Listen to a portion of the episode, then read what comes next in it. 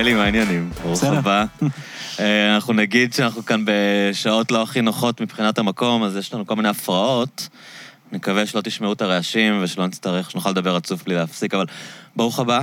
תודה. איך היה בקליפורניה? אמ, נחמד, אתה יודע, אני... כמה זמן הייתם? שנה שלמה. אשכרה. שנה שלמה. אה, אתה יודע, אני גדלתי בפילדלפיה עד גיל 12, אז אני כאילו אמריקאי, גם עשיתי דוקטורט בבוסטון, אבל אף פעם לא גרתי בקליפורניה. קליפורניה זה מקום שאותי חינכו לשנוא. כן. כאילו ככה זה, אתה יודע, הסרט של וודי אלן. אני חושב שזה? באני הול, שהתרומה היחידה של קליפורניה לחברה האמריקאית זה שאפשר לפנות אה, ימינה באדום.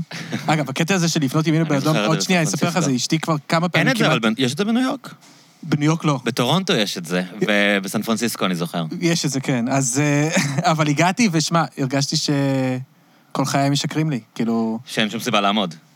לא, מה? כל השנים שעמדת באדום אה, במקום לא, לפנות אני ימינה. מדבר באופן כללי על קליפורניה, שכל כל החיים שלי שיקרו. אה, אז זה רק בסן פרנסיסקו? שזה מקום מדהים. לא, לא, עזוב... אה, בלבלת אותי, אני נתקע- נתקעתי עם הרמזור, לא, קודם כל. אני אגיד, הקטע עם הרמזורים... אז רגע, אני אסיים את הקטע עם הרמזורים. כן, אוקיי. כן, אני אסיים קודם את הקטע עם הרמזורים, אני אגיד שאשתי כבר כמעט נהרגה איזה פעמיים, כי היא כזה פונה ימינה לכביש 4 בלי רמזור, כאילו... לא- אה, באדום, כן, זה זה בחזרה. ממש מסוכן, אני קורא. לכולם שהם חוזרים מקליפורניה להיזהר מאוד בפניות ימינה. אה, אבל לא, אני אומר באופן כללי, זה כמו החוויה... שבאנגליה, כשאתה חוצה את הכביש, אתה רגיל להסתכל כן, ימינה. טוב, זה באמת, זה כאילו אנשים כן, נדרסים נראה לי. כן.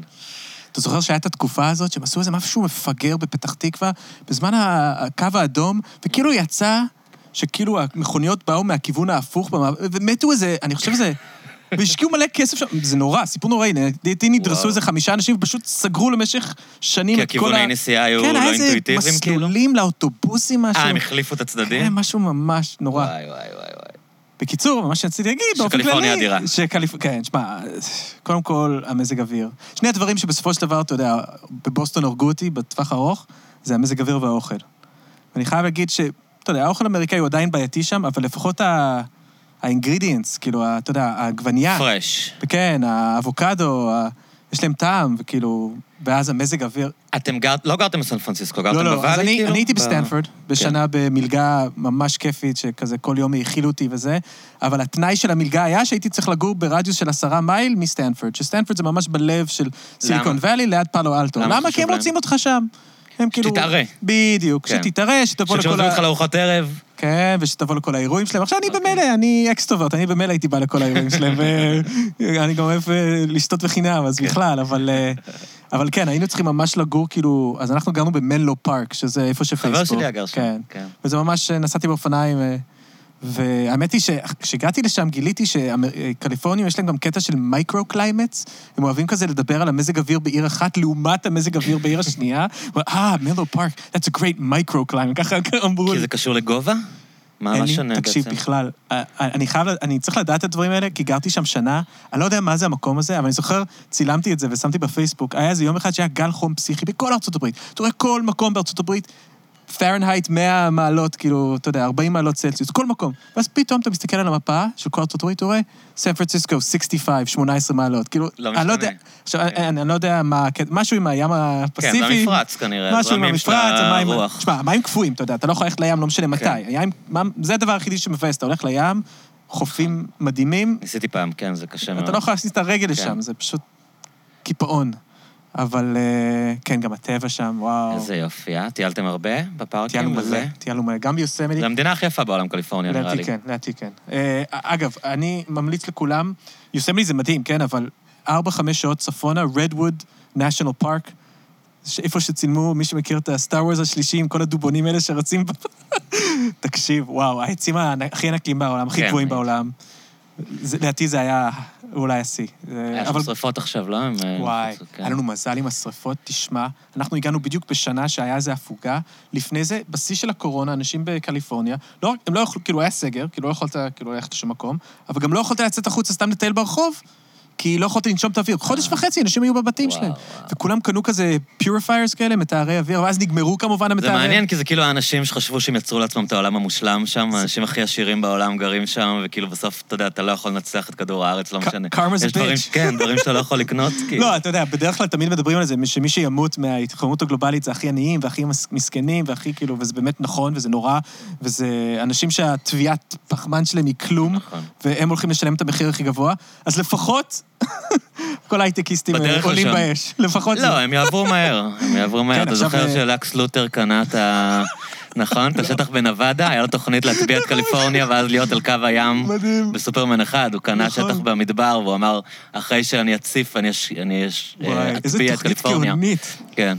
עכשיו אומרים, עכשיו אומרים שהביג וואן הבא לא יהיה, אומרים שסיאטל. Mm. אה, אומרים שכל מי ש... יש כביש חמש שעולה עד הצפון, אומרים כל מי שנמצא בצד המערבי של כביש חמש, אין. זה מגיע ופשוט אין, זה ייכנס לים, אז אה, מי שרוצה להשקיע במזרח אה, בעומק. Washington State, זה כנראה הולך להיות אה, עוד מעט על החוף. תגיד, אבל סטנפורד, הם כאילו יש להם דימוי של מקום אה, כזה קפיטליסטי, לא? זה לא כמו ברקלי. כמה קפיט... זה אז למה הם זה. הזמינו אותך? תקשיב, אה, יש לי, יש לי תיאוריות, אני רק כן. יכול להגיד לך תיאוריות. אני הגשתי לאיזה, הייתי, היה לי שבתון, אני, יש לי, אני פה באוניברסיטת חיפה בתקן והכול, אז אה, דבר מדהים, כל שש שנים, בשנה השביעית אני יכול לצאת לשבתון, ואני פשוט הגשתי לכל המקומות שיש בערך. זה היה שיא הקורונה, רציתי לעוף מפה, פשוט הגשתי, כאילו, באמת. ואם היית שואל אותי אז, מה המקום שאני הכי חושב שהסיכוי הוא אפסי, הייתי אומר לך סטנפורד.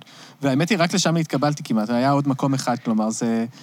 התיאוריה שלי... אולי לא הגישו אה, שמאלנים אחרים. אני חושב, קודם כל, יש התיאוריה להם שלי... תקן זה- לשמאלני אחד ואתה בדיוק. במעט הגישו. ככה הרגשתי, אגב. כן. הרגשתי ש... אבל לא, אני חושב שמה ש... טוקן, שיגידו שיש אה, שיש בדיוק, מה, פלורליזם. אנחנו? כן, למה? יש לנו... תראו את אה, אלי. כן. אה, אה, לא, אני אגיד לך, אני חושב שזה בדיוק זה, אה, עלה תאנה, נכון? קוראים לזה בעברית? כאילו, אה, הם מאוד חשוב להם עכשיו? הם מאוד, אה, אתה יודע, השנים האחרונות גם מאוד מורגש, במיוחד בקרב כל מי שעובד בפייסבוק, שהם די מתביישים כבר. פעם הייתי, אתה Mm. מדבר עם מישהו שעובד בפייסבוק, הוא היה אומר לך בגאווה, אני עובד בפייסבוק. ועכשיו כזה, אני אני עובד בפייסבוק. כי החברה גרועה או בגלל לא. המוניטין השלילי שלה? המוניטין השלילי, המוניטין שלי לא, אני בטוח שמבחינת לא, פינוקים כי וזה... החברה כאילו במצב גרוע עכשיו, הם איבדו חצי מהערך שלהם. כן, ב- אה, אה, זה, זה סיפור אחר, אני יכול כן. לספר לך, אנשים הלכו ברחוב תשעה באב, כי היו מלא חבר'ה שאתה יודע, רק אה, נכנסו, ו... והיה להם, אתה יודע, את האופציות האלה, ש... ופתאום האופציות לא היו שווים כלום, כי בעצם כן. המחיר המניה שהציעו להם היה נמוך יותר. כן. אה, בקיצור, אז...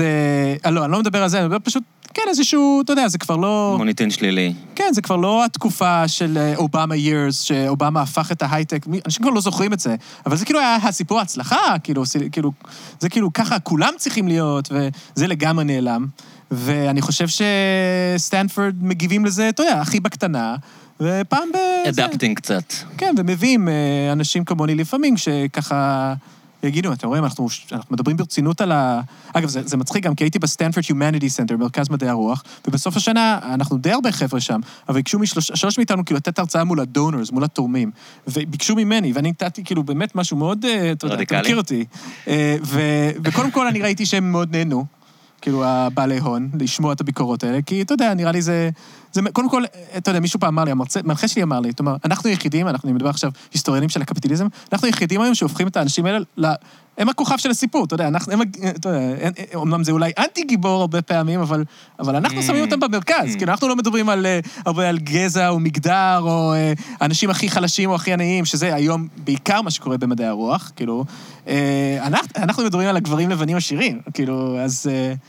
אה, אז... אז נעים לאנשים שמדברים אז עליהם. כן, מצד אחד זה, ומצד שני, אתה יודע, הם תמיד, במיוחד אה, אני מרגיש היום בארצות הברית, אתה יודע, האנשים האלה תמיד מרגישים ש...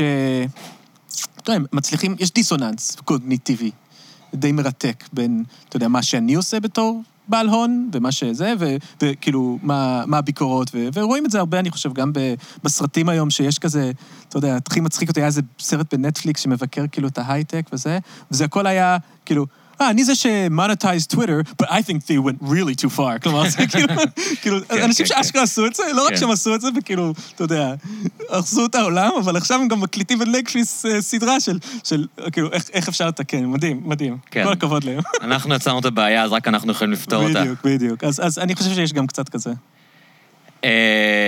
אה, אז אני ראיתי, קודם כל, אני אברך אותך, הספר שאתה עובד עליו הוכתם על ידי אחת ההוצאות הכי נחשבות בעולם, אז רנדום האוס, אה, כן, פנגווין רנדום האוס, כן, ממש כיף. שזה אה, די מדהים, לא? מדהים. אה, היה לי הרבה מזל, כמו תמיד, היה לי... גילי, אין לי המון קשרים כבר בארצות הברית, כלומר, השנים הולכות ועוברות והקשרים שלי, אבל היה עדיין חבר מאוד טוב, שגר בברוקלין, מכיר קצת את הסצנה, והוא חיבר אותי לסוכנת באמת מדהימה, אה, שעבדה עם דיוויד גרייבר, מי שמכיר, אה, שנפטר לפני שנה, ו... וכאילו סומכים עליה, שהיא כאילו מביאה את הקולות השמאלנים המעניינים ושגם יודעים לכתוב. ו... הכל בזכותה, כאילו, זה, זה, כך זה עובד, אני עכשיו אני יודע, זה כאילו... כי אני חששתי מהמון דברים, חששתי קודם כל, מה זה ה-University of חיפה הזה, כלומר, מי זה הבחור הזה? כי, כי ארה"ב יכולה להיות מקום מאוד Mm. כן, פרובינציאלי. אני אפילו לא מדבר על BDS, שזה שיחה אחרת, אבל, אבל אני מדבר רק על uh, עצם העובדה שכאילו, אני לא בארצות הברית, באיזה אוניברסיטת עילית.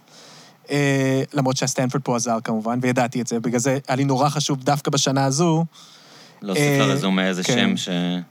ודבר שני, אה, הספר שלי הוא על ההיסטוריה של תפריטי בחירה. אבל הדוקטורט שלך מהרווארד, לא? מאיפה? הדוקטורט שלי מהרווארד, אבל אתה יודע, זה, זה מעניין. הדוקטורט שלך, כש, כשאתה נמצא בדוקטורט, אז אתה כל הזמן מנפנף בהרווארד, הרווארד, הרווארד. ברגע שאתה עוזב את הרווארד, אתה לא יודע. אם אני איכשהו, לא יודע, מזכיר שאני, it's kind of, it's like a douche kind of thing to do, הבנתי, כן, כאילו, כן, זה כאילו, name drop שהוא לא... כן, מה, איך אתה... אגב, כשהייתי בהרווארד, היה איזה ביטוי, you drop the H-bomb, ככה חבר'ה בהרווארד היו קוראים לזה. אה, שאמרת למישהו ש... אז זהו, אז אתה יודע, אני מניח שבסוף של ההצעה של הספר, שיש את הפסקה הזאת של about the author, אני מניח שהכנסתי שם, אה, כן. שעשיתי דוקטורט בו, למרות שאני לא בטוח, כי זה באמת כבר אה, מרגיש קצת אה, אה, מוזר לעשות את זה. אבל... אה, אבל כן, אה, יצא ממש טוב. אז תספר קצת, כי זה נראה ממש נושא מעניין, וגם אה, שיכול להיות פופולרי. כאילו, זה לא רק כן, לא, אין ספק, כלומר, זה- הסיבה יכול להיות שהלכתי... ספר שאנשים... לגמרי, אני מאוד מקווה. שמע, כן. זה ספר היסטוריה בכל זאת, אבל אין ספק ש... אה, הספר הראשון שלי הוצאתי עם University Press, ועשיתי את הכל כמו שצריך בשביל לקבל את הקביעות והכל, וכאילו, הייתי מאוד מרוצה מהספר, אבל הייתי מאוד לא מרוצה מזה שאף אחד כמעט לא קרא אותו. אז אה, אה, אין ספק שזו הסיבה העיקרית שרציתי הפעם לעשות את זה. אה, הספר הוא על... אני אספר איך זה בעצם מתגלגל, אה, וזו שאלה שיש לי אליך, כי אני מרגיש כן. שבישראל דווקא זה פחות... אתה יודע מה... אה, אה, choose your own adventure. אוקיי. אומר לך משהו? כן, בטח. אוקיי. אתה הגיבור, ספרים של אתה הגיבור. אה, אתה- הגיבור? ככה כן, קוראים לזה בעברית? קראו לזה אתה הגיבור. קודם כל זה מאוד מעניין, לא ידעתי שככה קוראים לזה, אתה הגיבור, כי אני כותב על זה קצת, על הגוף אני הש... אגיד- אני אגיד אולי לצעירים שלא מכירים, אוקיי? כשהמשחקי מחשב היו ממש גרועים, כשהיינו ילדים, היו ספרים שאתה... שהם משחק בעצם, שאתה... מס- מספרים לך אה, קצת, נגיד, בעולמות של D&D בעיקר זה היה, ומתארים לך מין הרפתקה, ואז אתה יכול לבחור מה אתה עושה, נגיד, אה, ניצב מולך דרקון, אם אתה רוצה להילחם בדרכון, תפנה עמוד לעמוד, כן. 95, אם בדיוק. אתה רוצה לברוח, ת, תפנה לעמוד 74, וככה לאט לאט בעצם ת, אתה יוצר מין סיפור הרפתקה כזה, והאמת שהיו ספרים מאוד מעניינים. אני זוכר כמה ספרים של מדע. בדיוני, Cave of Time. מדהימים. היה איזה, אני זוכר איזה אחד ממש מגניב, שאתה צריך להגיע לגן עדן או משהו כזה, או לאיזה אוטופיה. היו דברים גם super trippy צריך להגיע דברים. לכוכב גן עדן, זה היה ממש פילוסופי כזה, כן, מין מדע בדיוני. משוגע. וזה היה, אה, והגן עדן, אני חושב, היה עמוד 100 או איזה משהו עגול כזה, ואף פעם לא היית מצליח להגיע לגן עדן. ואז אה, בסוף היית מרמה. היית אומר, טוב, טוב, אני הולך לעמוד 100, אני אראה מה. כתוב שם, ואז היה כתוב, אם הגעת לכאן, כנראה רימית. אה, גדול. כי גן עדן לא באמת קיים, זה רק רעיון אוטופי, אין, אתה יודע, היה שם, דברים, אני אהבתי את הספרים האלה מאוד. ברור, אז כן. גם אני מאוד אהבתי את הספרים האלה, מאוד, ואני חושב שאנשים לא מבינים כמה, כאילו בארצות הברית, אה, זה מכר בערך יותר עותקים, מכל דבר חוץ מהארי פוטר מבחינת ההיסטוריה של אה, children's literature. אה, זה התחיל בשנות ה-80. והמכשף המכשף מפסגת הר האש, זה היה... בפסקת הר האש. לא יודע אם זה היה להיט באמריקה ואיך קראו לזה, אבל זה היה נראה לי ה... היא, אה. איך קראו לזה באנגלית. אה, אגב, זה גם להיט בכל העולם, תורגם בכל שפה אפשרית. אה, אנחנו מדברים פה על סדר גודל של 250 מיליון עותקים, שעשיתי, הזכרת מש- משחקי וואו. מחשב, עשיתי השוואה בין כאילו, מכירות של משחקי מחשב בכל ה quests האלה באותה כן. תקופה. זה כאילו, זה לא קרוב אפילו, כלומר, זה סדרי גודל אחרים לגמרי מבחינת כאילו מה, מה, מקליט, מה, מה אנשים בעצם חוו. וכאילו, שאלתי שאלה היסטורית, התחלתי, זה היה לפני כבר שנים, ושאלתי פשוט שאלה מאוד פשוטה, כאילו, אין פה שינוי טכנולוגי, הספרים האלה יכלו לצאת גם מאה שנה לפני. למה פתאום בשנות ה-80 זה הופך להיות להיט משוגע? והתחלתי להיכנס לכל השאלה של מה זה בחירה, ואיך זה מתקשר לעלייה של הניאו-ליברליזם, וכמובן, כלכלנים כמו מילטון פרידמן שמדברים Freedom to Choose, זה Free- הספר שלו. ברור, Free to כן. Choose, זה הספר Free שלו. to choose? Free to Choose. כן. אה, וזה גם כאילו כל. מה, מה, מה זה חופש? תשאל מישהו שמאמין אה, בשוק חופשי, מה זה חופש? החופש הוא, הוא לבחור, that, that's כן. the freedom, בכל דבר. אה, זה הסיבה למה אל תתלונן אם אתה מרוויח חרא, אתה בחרת את זה. אה, על, על, אה, כאילו, כל דבר, כל הצדקה של כל דבר בעולם הזה, בסופו של דבר, בחברה קפיטליסטית, ההצדקה אולי הראשונה שתשמע זה בחירה. בין אם זה הבחירה שלך או בחירה של מישהו אחר, או וכולי וכולי. ו... ואז כאילו התחלתי לחשוב על בעצם הספרים האלה כאיזו מטאפורה גדולה יותר למה בעצם כן אתה בוחר פה. ובעצם מה שאתה רואה בספרים האלה זה שהבחירה היא מאוד מאוד מאוד מוגבלת. שבעצם יש choice architects, שזה מושג שלא אני המצאתי, אבל זה מושג שאני בעצם משתמש בו המון בספר, זה מכלכלה התנהגותית, של אדריכ- אדריכלי הבחירה, שבעצם, אתה יודע, נותנים לך איזה multiple choice כזה, שני, שניים, שלוש אופציות. וככה יכולים גם לנתב אותך, כאילו, לכל מיני מסלולים מסוימים, והם פחות או יותר, אתה יודע, זה, זה כוח אדיר, כי מצד אחד אתה מרגיש שזה, כאילו, היה בחירה חופשית, שהכל זה עליך, שזה בדיוק החוויה שלך גם בשוק. כלומר, אם אתה עני זה אשמתי, כלומר, זה אחד הדברים הגדולים של הקפיטליזם עשה, גורם לאנשים אה, להאשים את עצמם במצב שלהם. עכשיו, ברור, אני לא רוצה לקחת את זה לקיצון, כל אחד צריך לקחת איזושהי אחריות אישית על עצמו, אבל אנחנו יודעים שהרבה פעמים, במיוחד ביום שיש פערים אדירים בחברות, אז... אתה יודע, המבני, המבנים, ה, אתה יודע, אם גדלת בתל אביב או אם גדלת באופקים, אם באת עם אה, שני מיליון שקל מהבית או לא, זה הדברים הבאמת חשובים, ולא הבחירות שקיבלת אה, וכל מיני דברים כאלה. כן, כן, חברים עשירים שלא עשו בגרות והם הסתדרו בסדר. כאילו, בדיוק, כן. בדיוק. אה, אז, אה, אז כתבתי את המאמר הזה, שהוא בעצם מאמר מאוד ביקורתי על Choose Your Adventure, למרות שאני גם מאוד אהבתי אותם. לא ביקורתי במובן הזה של כאילו, אתה יודע, פשוט כזה... מה המשמעויות היותר עמוקות של כן, זה? כאילו, כאילו? מה בעצם, וגם יש שם משמעויות גם מאוד כזה, ב, אם אתה פותח את הספרים, אגב, יש גם הבדלים בין מי שכתב אותם, יש כאלה שהם באמת יותר ככה קפיטליסטים, נקרא לזה פחות, אבל בעמוד הראשון, שאתה פותח את ה-Choose Your Own Adventure, הסדרה המקורית, אז כזה כתוב כזה בענק כזה, You are responsible for your fate, only you, כאילו, וזה כאילו פחות או יותר המסר של כאילו, של החיים, האלה, אז כאילו. איך זה ביום-יום? נגיד הבחירות ה- בעצם הש- השקריות, לא יודע איך לקרוא לזה, הבדויות שאנחנו מרגישים שיש לנו בחירה ואין לנו. אז זהו, אז, אז אחד האתגרים ש... אז בעצם, אני רק אסיים, אני אגיד כן. שלקחתי את הספר הזה, את הסיפור הזה, וזה הפך להיות כאילו להיט, ואתה יודע, מאמר אקדמי ש... אה, כתבת על זה מאמר כתבת, ש- זה היה לפני כמה שנים. ספציפית על הספרים. על Choose Your Adventure. אוקיי. ואז זה הפך להיות ויראלי ממש בטוויטר, אנשים ממש התלהבו מזה, כי מה לעשות, אנשים אוהבים כן. אה, נוסטלגיה של האייטיז. נכון. ואז כן, סלייט בטח. מגזין, מי שמכיר, ראיין אותי. בקיצור, הבנתי ש... ואז בדיוק טוב, טפינג אין על כל ה-Stranger Things וכל ה... בדיוק, לגמרי, בלי בושה, וכזה. tapping. ו- ואז הבנתי שכאילו, טוב, יש לי פה משהו שהוא באמת יכול להיות כבר ספר על choice architecture ו-structured choice, ומה זה בעצם חופש בעולם הזה שבו, בו, אתה יודע, מי, מי, מי בעצם אה, האנשים שבוחרים לנו את הבחירות? הם מי ה-menu makers כאלה? אז, אה, וזה בעצם היה ההצעה שלי פחות או יותר לסטנפורד, וחיברתי את זה לכל הצדדים של היום, של ה digital capitalism, כי הרי זה הכי בולט היום, ואז כאילו אמרתי, הנה, על זה אני רוצה לכתוב. אמ, אז זהו, אז לגבי השאלה שלך, זו שאלה שאני כל, כל היום שואל את עצמי.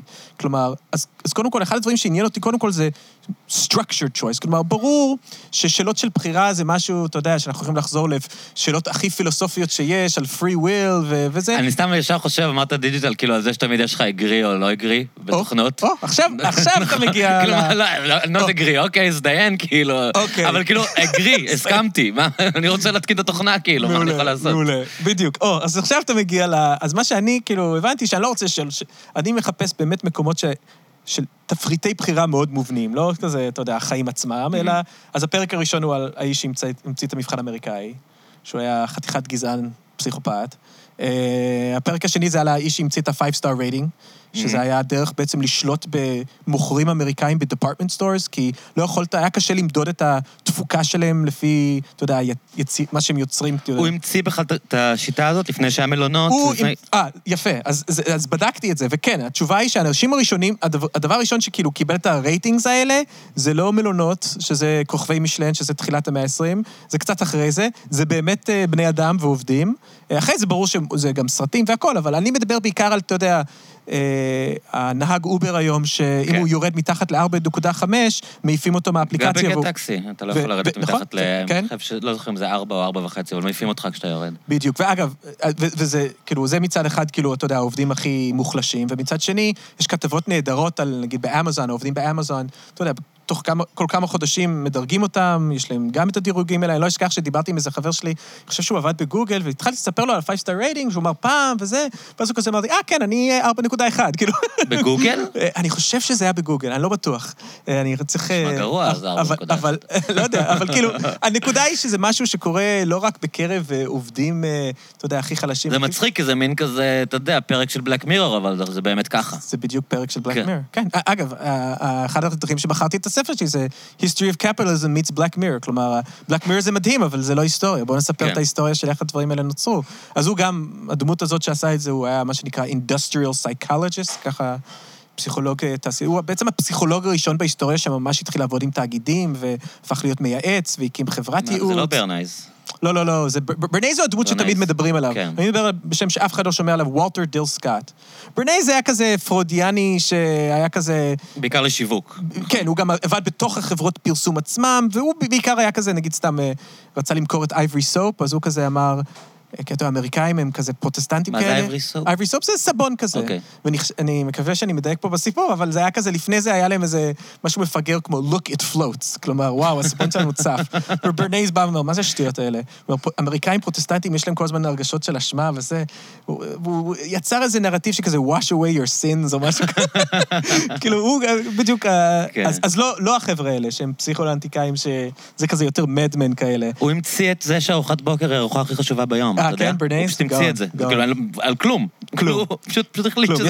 הוא החליט שזו נכון, הארוחה הכי חשובה. לובי יש- החקלאים רצו למכור יותר ביצים בבוקר, כן, ו... והתפוזים, מדליקים לובי התפוזים. אם תראה תמיד בפרסומות האמריקאיות, כן. part of this complete breakfast, תמיד אומרים, בפרסומת, ותמיד יש את הכוס מיץ תפוזים הזה, שזה תכלס כן. סוכר ולא... אבל... אה, אה, ואז אמרת, agree disagree, אז הפרק השלישי הוא האיש שהמציא את ה-like button, שזה היה בשנות ה-30, שהוא היה... מה זאת אומרת בשנות ה-30? אז בשנות ה-30 התחיל הרדיו ממש לתפוס תאוצה בארצות הברית, והיה בחור בשם פרנק סטנטון, שהיה לו דוקטורט בפסיכולוגיה, והוא בעצם אה, שכנע את פרינסטון להקים את ה Princeton Radio Project, ששם הוא הכניס אנשים לחדרים, ונתן להם כפתור ירוק וכפתור אדום, והוא אה, ביקש מהם כל פעם שהם שומעים משהו שהם אוהבים, ללחוץ על ה-like button, והיה גם dislike button, ואז הוא לקח את הדאטה הזה, ובעצם הראה את זה ל-CBS, לחברת אה, תקשורת הכי גדולה אז, והתחיל לעבוד שם, ובסוף הוא נהיה הנשיא של החברה, אה, אחד האנשים הכי חזקים, אה, של המאה, המציא את ה-debate הנשיאותי, באמת? כן. איך אמרת קוראים לו? פרנק סטנטון. אני אוהב תמיד לדבר על אנשים שאנשים לא שמעו עליהם. אתה יודע, עוד, אה, עוד מישהו, עוד, עוד. ספר על, אתה יודע, לא יודע מה, אברהם לינקולן. או- כן. אה, למי אכפת, אבל אז, אז כן, אז... אה, אז הם מה, הם השתמשו בזה לקבוצות מיקוד בעצם? מה- מה הם עשו עם לא, אז המנגנון הרעיון של הזה? סטנטון היה, הוא, הוא תמיד ישב על זה מתוך נקודת מבט של, אם אני רוצה את הכסף של המפרסמים, אני חייב את הדאטה הכי טוב. ככה אני אשיג אותם. שזה בגדול גם איך שהיום גוגל וכל כן. המקומות האלה, ואני תמיד עושה את החיבורים. כלומר, בשביל זה אני צריך דאטה, אבל בשביל דאטה זה, אני לא... בעצם ההברקה שלו, שאגב, הוא בסופו של דבר די נכשל. כלומר, זה ייקח עוד... ייקח את ה-like button של צוקרברג עד שזה באמת יהפוך ל... אבל הח- הרעיון שלו היה שאתה יודע, רדיו זה משהו שמקשיבים לו, אבל אי אפשר לדעת, כאילו... אתה יודע, הוא היה מכניס כזה דברים לתוך ה... רדיו כזה, לבדוק את הרייטינג, אבל זה לא באמת עבד. הוא רצה לדעת כאילו מה אנשים אוהבים, לא מספיק מה אנשים שומעים, הוא רצה לדעת מה אנשים נהנים. אה, בקיצור, והוא הבין שכאילו, ה- השוק לא ייתן לו את המידע הזה, אתה צריך ממש לגרום לאנשים לתת לך את זה. אחד הרעיונות שיש לי בספר זה choice box, אתה צריך להכניס מישהו ל-choice box, שזה בעצם, אתה יודע, קופסה שבו אתה אומר לו, יש לך ארבע אופציות, תלחץ אחד. וככה אתה יכול כאילו, אתה יודע... וזה מדהים איך אנשים אוהבים לעשות את זה, אה? כי אני נגיד... כותב על זה המון. הרי כל העניין הזה שהיה עם קיימברידג' אנליטיקה, ואז הם, הם עבדו הכל, את כל המידע שלהם, לקחו על שאלונים מטומטמים של איזה דמות בחברים choice, אתה, בדיוק, choice. ו, ופשוט במקום להגיד כאילו, אוקיי, איך אנחנו נקבל את כל המידע על האנשים, נמציא להם שאלון ממש מפגר, נקרא לו משחק, ואנשים פשוט עפו על זה, איזה נסיכת דיסני את, איזה דמות בחברים אתה, ופשוט התנדבו לתת את כל המידע שעליו בנו פרופילים פסיכולוגיים של אנשים, כדי לדעת בדיוק כאילו מי הם ומה מה מניע אותם. זה ממש, אגב, בסוף של הפרק האחרון, אני נוגע בדיוק במה שאמרת עכשיו. אגב, הקטע הזה של ה... אני היסטוריון, אז אני בדרך כלל לא אוהב להגיד יש משהו בטבע האדם ש... כי אני לא מאמין בטבע האדם, אבל אני כן חייב להגיד בהקשר הזה, שאחד הדברים הראשונים שאתה רואה, עוד במבחן אמריקאי בתחילת המאה ה-20, הילדים אוהבים את זה. הילדים אוהבים מבחנים אמריקאים. יש משהו בסטרקצ'ר הזה... שהוא משחקי. שה- שהוא, שהוא משחקי, שאני כותב על gamification, אבל הוא גם, הוא גם כזה, אתה מרגיש בשליטה. אתה באמת כאילו, אתה רואה את כל האופציות מולך, אין פה משהו שאתה צריך כאילו, you're in control, אתה מרגיש, למרות ש-you're not, זה כל הקטע. אה, זה הגאוניות של הדבר הזה. שכאילו, אתה מרגיש הכי בשליטה. אוקיי, אז בוא נדבר באמת על, ה... על העניין האידיאולוגי כאן. כאילו. כן, על, כן. על בעצם, על זה שאתה אומר שאתה לא בשליטה, כלומר, הארכיטקטורה, כמו שאמרת, כן. שמישהו מעצב לך את, ה... כן. את. את הבחירה לכאורה, את הבחירה המזויפת. ת- ת- אני לא הייתי אומר מזויפת, מזויפת זו מילה מאוד חזקה, אבל הייתי אומר שאין ספק שהבחירה הזאת, כאילו, אתה מנותב. אה, you're being funneled. אז קודם כל, you're being funneled כי יש אופציות שהן לא על השולחן. כלומר, ברגע שיש לך את הכוח לבנות את התפריט, אז יש לך גם את הכוח כאילו להחליט מה, מה, על מה אנחנו לא נדבר. כאילו, מה off the table. ואגב, רואים את זה גם בסקרים, כאילו, שעולים אנשים שאלות פוליטיות בסקרים. וכאילו, אתה יודע, לא, מה אתה חושב שצריך לעשות, סתם, אני צוחק, לא באמת שאלו את זה, אבל כן. מה אתה צריך- חושב שצריך לעשות עם הגז? אה, לתת את זה לתשובה או תמלוגים? ולא יהיה בכלל אופציה של הלאמה, משהו כן, כזה, כאילו, אתה יודע. כן, כן, כן. איך אה, רואים את זה בהרבה מקומות ככה. אז זה דבר אחד, שפשוט יש דברים שאתה שולט בשיח. אתה כאילו, יש דברים שאני בכלל לא אתן לך... מי ששואל את השאלה בעצם... כן, אה, בדיוק. אני חושב שעוד דבר שקורה זה גם, וזה מדע שהוא שהכלכלנים התנהגותיים מראים בצורה מאוד יפה, שאתה יודע, הדרך שבו הבחירות מובנות, עצם הסדר שבו היא מופיעה, או אתה יודע, איך אתה עם הכפתור אדום, זה, זה דברים שזה מדהים כמה שהדברים האלה משפיעים עלינו. כלומר, אתה יכול לגרום לאנשים לעשות דברים שהם לא בהכרח היו עושים, פשוט כן, זה כי... המחקרים של כהנמן בדיוק. וכאלה. איך אתה שואל את השאלה בעצם? בדיוק. עכשיו, כהנמן ואלה הם חבר'ה, אתה יודע, נחמדים, אבל הרבה מהם, עזוב את כהנמן, בואו נדבר על אנשים כמו דני אריאלי והכוכבים הגדולים שכתבו את נאג', שזה ספר הכי נמכר אי פעם, אה, על כלכלה התנהגותית. Nudge. Nudge זה בעצם כל כל הדברים המילה... הקטנים ש... דחיפות קטנות, זה כן. כזה, בדיוק, זה כזה, הם בעצם אומרים, הם אגב המציאו את המושג choice architecture, Mm. אה, ריצ'רד ת'יילר אה, וקאס סאנסטיין, ת'יילר עכשיו זכה בפרס הנובל, די בשביל הדברים האלה, בכלכלה, ובעצם הטיעון של ת'יילר היה שם ש... של, ש, שאתה יכול להשפיע על אנשים לפי ה-choice architecture. עכשיו, מה הקטע? אבל הם עובדים ב-business school, ת'יילר ו- ובמיוחד ת'יילר. אז הוא לא רוצה עכשיו לכתוב ספר, אה, רק תדעו לכם, אנחנו עושים לכם מניפולציות שיכולים לגרום. אז מה הוא עשה? הוא כתב ספר גאוני. הוא אז, הפך את זה ל-feel good. כאילו, מה זה nudge? nudge זה איך לגרום לך לאכול יותר בריא, איך לגרום לילדים שלך זה, איך לגרום לאנשים להשקיע יותר בפנסיות ולא לבזבז את הכסף. כלומר, איך נשתמש בהטיות הפסיכולוגיות האלה לטובה. טוב. וזה הפך להיות כל הדבר הזה, כל ה-industry הזה שנקרא כלכלה התנהגותית, הדרך שבו הוא מראה את עצמו בחוץ זה זה. זה כזה feel good וזה. כמובן שבתוך התאגידים עצמם, זה בדיוק ההפך. משתמשים בזה כדי אה, כן. להוציא ממך כסף. בדיוק. אבל יש גם דברים אחרים, נגיד, סתם דוגמה, אה, יש לי פרק על, בשנות ה-80 בארצות הברית, התחילו להיכנס משהו, אחרי deregulation, בהתחלה אי אפשר היה לעשות את זה, שמשהו שנקרא slotting fees, שזה אומר שאם אתה רוצה להיות בגובה העיניים, בסופר, ב... אתה יודע, ב... פרוזדור, מסדרון, איך כן. אומרים אייר בעברית? אה, מסדרון. במסדרון. במעברים. במעבר הכי, כאילו, אתה כן. יודע, נחשב. אה, אתה תצטרך לשלם על זה כסף. כלומר, בעצם יש פה מהפכה שהסופרים כבר לא הולכים לעשות את כל הכסף שלהם מהקונים, הם הולכים לעשות את הכסף גם מהיצרנים. וכי הם הבינו שהם ה-choice architects, הם יכולים בעצם, כי הם מה יודעים... שמול העיניים שלך זה מה שאתה קונה, יש- ומה שבתחתון יש מלא ובעליון. מחקרים. אגב, אני כן. נכנס לזה, כאילו, קודם כל, סתם שתדע, יש מחקרים שמראים שאנשים נכנסים לחנות, הם תמיד פונים ימינה. כאילו, כן. אז כאילו, דברים בימין. אה, ויש כאן דברים, אנשים יודעים שהחלב הוא תמיד בסוף, כי וזה... כי אתה צריך את החלב בכל מקרה, אז תעבור דרך כל החנות בדרך לחלב. בדיוק, זה כאילו. גם הסיבה למה קניונים בנויים כן. ככה ש... שה-food court הוא תמיד אה, למעלה. כן, וגם ה-escalator, אתה יודע, אתה עולה- קומה אחת, ואז אתה צריך, כמו בעזריאלי, לעשות סיבוב, ורק אז אתה יכול לעלות עוד קומה. כי, אה, אתה יודע, הם רוצים ש... foot traffic, רוצים ש... בגלל זה אני מת על הסנטר. כן, לא ברור, וואי. זה פשוט לא מרגיש שעושים לך שום מניפולציה, זה כל כך רנדומלי וחופשי, כאילו באמת. אני מסכים איתך, אני... כאילו, אני אוהב את זה שאתה לא יודע איפה הדברים. אתה מרגיש שכאילו אף אחד לא, לא שולט בך, וכל מיני דברים יכולים לקרות שם בדרך, כאילו. הסנטר זה מקום מדהים. אה, באמת, אפשר לכתוב על זה. אה, בטוח כתבו על זה, יש לי כמה חברים אדריכלים, אבל אני לא יודע אם עשו את זה טוב, כאילו... הקסם שלו זה שלא כל החנויות עדיין בשליטת ה... הבעלים של הסנטר מכרו חלק גדול מהנכסים, אז יש אנשים פרטיים שמחזיקים שם בחלק מהחנויות. אז אין להם אפשרות, אפילו אם הם רוצים, לעשות שם איזה רי-ארגון כזה. אתה אה, מתכוון? מדהים, זה לא כן, חברה הם- אחת ש... יש חברה שהסנטר שלה כסנטר, והיא יש- מחזיקה הרבה מאוד מהשטחים ומזכירה אותם, אבל לאורך השנים, כי לא היה אז קונספט של קניונים בארץ, לא ידעו לא, לא, לגמרי לא, איך לא, עושים לא, את זה, לא. הם מכרו. הם מכרו חלק מהמטראז'ים, אז יש, יש שטחים בסנטר שהם לא שלהם. אז היכולת שלהם באמת לעשות שם רה-ארגון כזה ולהפוך אותו למין קניון אה, חדש מעפן, ב- בחוקים האלה שאתה מדבר עליהם, הוא- זה לא באמת קיים. אני מת על זה שאתה מגיע ככה קומה שלישית, רביעית, אתה גם לא יודע, זה כזה כמו ה... כן. אה, באיזה קומה אתה, אבל כאילו, אבל אה, יש את האזורים המתים האלה פתאום, וברור שם יש את ילדי הסנטר שם וזה, אבל גם... כן. מקעקעים וסוכני נסיעות, ופתאום יש לך איזה משרד של איזה רואה חשבון שיושב שם, זה... גם המיקום. שלו כמובן, זה שהוא כל כך אתה כאילו... מרגיש בעיר, אתה לא מרגיש בקניון. נכון, לגמרי. שם. זה מזכיר לי קצת, כאילו, אני לא יודע אם היית בבנקוק, לא. אני חושב שהקניונים שם די מצליחים, אותה חוויה כזאת של מצד אחד, אתה מרגיש שאתה בעיר, בלבול מוחלט, אבל כן, סנטר זה מקום נהדר. אה, אה, בקיצור, אז, אה, אז הסופרים הבינו שהם יכולים לעשות מלא כסף מזה שהם מוכרים לך בעצם את ה-slots, הם מוכרים לך את המיקומים, אה, ו- ועל זה סיפור פוליטי ענק בשנות ה-80. שכאילו אה, באו כל מיני חברות קטנות, והוא מה זה, מה זה, זה, זה כאילו, התאגידי ענק גומרים אותנו, הם קונים את כל האזורים הכי נחשבים. אנחנו, ב, אתה יודע, הכי למעלה, או בקושי רואים אותנו, זה, זה לא אה, fair trade, כלומר, אה, יש... פנו. להגבלים. ל-FTC, אמרו זה anti-competitive, זה נגד התחרות והכל.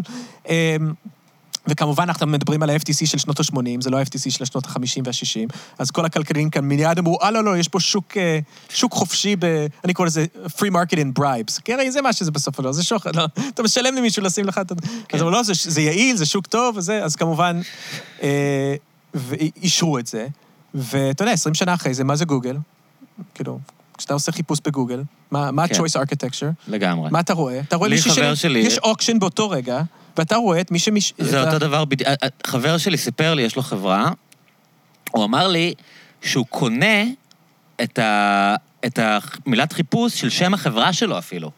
כי, כי כל המתחרים שלו, רושם- אתה יודע, אם אתה רושם את שם של החברה שלו, אז המתחרים שלו עולים לפניו כי הם קונים אותה. ברור. אז אפילו בשביל החברה שלו, אם בן אדם ממש רושם את שם החברה, אפילו את זה הוא קונה. כאילו, הוא חייב לשלם לגוגל על, על אה, קישור ממומן על שם החברה שלו, לא על הנושא או על אבל הזה. לא רק שהוא צריך לשלם, כן. הוא גם צריך לחשוב כמה לשלם, נכון? כן. כי זה auction, נכון? כן, יש כל מיני... כן, כן, זה auction. זה כזה... אני... האמת היא, אתה צודק, לא חשבתי על זה פעם, שמלא פעמים עכשיו אני מכניס איזה משהו לגוגל, ואני אתה מקבל רושם כאילו את ה... דומינוז, אתה מקבל פאפה ג'ונס. כאילו, זה מה שקורה, ברור. נכון. אז כאילו, זה הגיע למצב שדומינוז צריכים לקנות את דומינוז כבר. כאילו, עד מדהים. כדי כך הם שולטים בזה. כן, זה מדהים. לא, זה, זה הכוח הכי חזק שיש כמובן.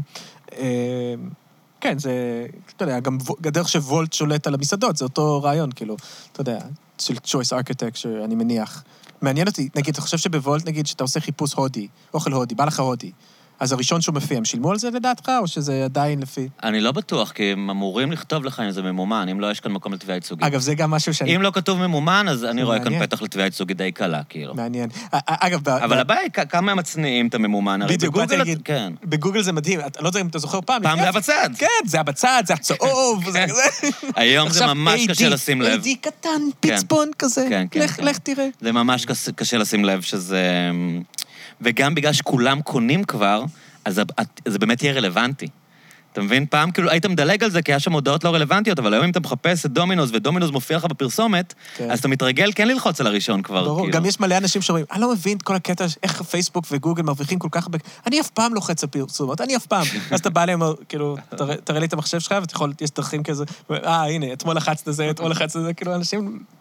You don't even know, אבל... אה, בקיצור, כן, אז, אז, אז מבחינה, נגיד, נקרא לזה, האידיאולוגיה מאחורי זה, אז כן, המסר פה הוא בעצם שחשבנו שהבחירות האלה, ש, שבעצם, אם אנחנו באמת רוצים חופש בחירה, אז אנחנו צריכים לעשות דמוקרטיזציה לאדריכלות הזאת. אנחנו צריכים להיות uh, מעורים בתהליך שבו התפריטים האלה נבנים. Uh, בין אם זה דרך מנגנונים שעבדו לא רע פעם, בארצות הברית למשל, של הגבלים עסקיים שדאגו שלכל אחד יהיה, אתה יודע, הזדמנות פחות או יותר שווה להופיע בתפריט ובמקום טוב. אה, ולפעמים גם ברמה של כאילו ממש לחשוב מחדש על כל הדרך שבו אנחנו חושבים על, אה, על הקפיטליזם, במובן הזה שאנחנו חייבים אה, לנצל את הטכנולוגיות המדהימות האלה של הסמארטפונים, אבל לעשות דמוקרטיה במקום לעשות... אז בוא, בוא נדבר נגיד על, על איפה הבחירה שלנו מוגבלת, לא בתחום הצרכני, כאילו. באמת בדברים, ב-life choices נגיד, אתה יודע, בדברים יותר משמעותיים, או שאתה לא מגיע לא, עדיין לא, לאזורים לא, האלה. זו שאלה מעולה. אה, אז נגיד, המבחן האמריקאי, זו דוגמה שאני נותן בהתחלה, של כאילו, אתה יודע, המבחן האמריקאי היום מנתב אנשים, פחות או יותר קובע, קובע בהרבה מובנים, אה, איפה, איפה, אה, אתה יודע, איפה... לאן תגיע בחיים. וכבר, זה, זה דבר ידוע, אבל מי שלא... מה, פסיכומטרי? SATs כן, כאלה? סוג של פסיכומטרי, בדיוק. כן. SATs, כל הדברים האלה. כן. ומי שלא יודע, הפסיכומטרי בעיקר יודע לבדוק דבר אחד, הוא מעולה בלבדוק דבר אחד. כמה אה, השכלה יש להורים שלך. כאילו, זה הדבר, כאילו, שהוא בכלל, לא ההצלחה שלך בחיים, לא איך תצליח אפילו באוניברסיטה, שגם זה, הוא לא כל כך טוב. הוא יודע... זה בכל- המתאם כאילו ל... הוא, המתאם הכי חזק זה מה המעמד הסוציו-אקונומי שלך. בקיצור, מה עשינו? המצאנו מבחן. קראנו לזה בחירה חופשית, קראנו לזה multiple choice, הצגנו את זה כאיזשהו אינדיבידואליזם, וזה, אבל בסופו של דבר, הדבר היחידי שהוא נותן, זה נותן גושפנקה ל... אה, איך נקרא לזה, למכשולים המעמדיים ולפערים המבניים שיש כבר בחברה שלנו. אני אביא לך דוגמה שאני כותב עליו בספר הברית, איך לוקחים את זה גם לקיצון, פה עוד לא הגענו לזה. אבל כל אמריקאי מכיר את האתר זילו, אוקיי? שזילו זה בעצם, אה, אתה אולי תקרא לזה צרכני, אבל זה צרכנות של אה, בכל זאת לקנות בית, נכון? אה, מי שלא מכיר, אתה יכול כמעט להכניס כל כתובת היום הברית לאתר זילו, ואתה תראה כמה הוא שווה, אשכרה. גם אם הוא לא במכירה באותו רגע. אה, כמה הוא הערכה שמאית שלו? הערכה שמאית, וגם כל הטרנזקציות שהיו, וכאילו... בש- ברחוב, בבתים ב- ליד, ב- כאילו. בדיוק, בדיוק. יש, יש, אתר, יש אתר מדלן, נראה לי, בארץ, שעכשיו זה מתחיל אוקיי. קצת לתפוס, אבל זילו זה כאילו, זילו זה משהו גם אז כל. בן אדם יודע כמה הבית שלו שווה בכל רגע? זה האמריקאים תמיד יודעים, אבל כן, כן. אבל המיל... על זה אתה מדבר בברבקיו, זה, על זה אין על משהו, אתה יודע. אבל, אה, אבל כל, ה, כל המילניוס, שלא יכולים בחיים לקנות להם בית ארצות יש כזה, ממש חוויה של כזה זילו, יש לזה שם מצחיק, אני לא זוכר איך קוראים לזה. הם כזה, אתה יודע, הם חיים דרך האתרים האלה, כי הם כזה אף פעם לא יקנו את הבתים האלה, אבל לפחות כאילו הם יכולים, מוצאים את עצמם, גולשים כל הזמן. כמו פנטסי פוטבול כזה? בדיוק, בדיוק. אז אה, פנטסי נדל"ן. בקיצור, אז אחד הדברים המאוד חזקים, אז נידלו, זילו אפשר להגיד הוא ה-choice architect של כל שוק הנדל"ן. כאילו הוא, אנשים בוחרים איפה לגור לפי זילו. ואחד הדברים שזילו עושה, זה כל מי שנכנס, את אחד הדברים הראשונים שאתה רואה, זה שהוא מראה לך את הבתי ספר, והבתי ספר, אה, יש להם ציון. הבתי ספר יש ציון, 1 עד 10, אוקיי? שעל מה הוא מבוסס? או. הכל הכל מבוסס על דבר אחד. התוצאות של המבחנים האמריקאים של הילדים עשו בבתי ספר שם. כי בארצות הברית לקחו את זה עוד שלב, והמבחן האמריקאי לא היה מספיק, ובשנות ה-80, אחד השינויים שעשו במהפכה הניאו-ליברלית, זה החליטו שאנחנו חי- חייבים למצוא תחרות בין ה... בין ה... אה, בתי אה, ספר. בתי ספר, וגם תחרות בין המורים וכולי, אז מה כמו עושים? שעכשיו אה, האוצר נורא דחף לגמרי, לזה. לגמרי. אז מה עושים? אז מה שעושים זה בעצם לוקחים, מה, איזה, איזה דאטה יש לנו? כי הרי חייבים דאטה. הדבר- דאטה יש לנו זה המבחנים האלה שכבר אמרנו שהם בעיקר משקפים כאילו מאיפה באת ו, וכולי. ו, ובסופו של דבר זה הופך להיות הציון של הבית ספר. ואז אפילו מדהים זה שצבעו את הבתי ספר הגרועים באדום, ו-. ואת הטובים בירוק. עכשיו, מי שמכיר קצת את ההיסטוריה של הברית יודע שיש דבר שזה נקרא redlining.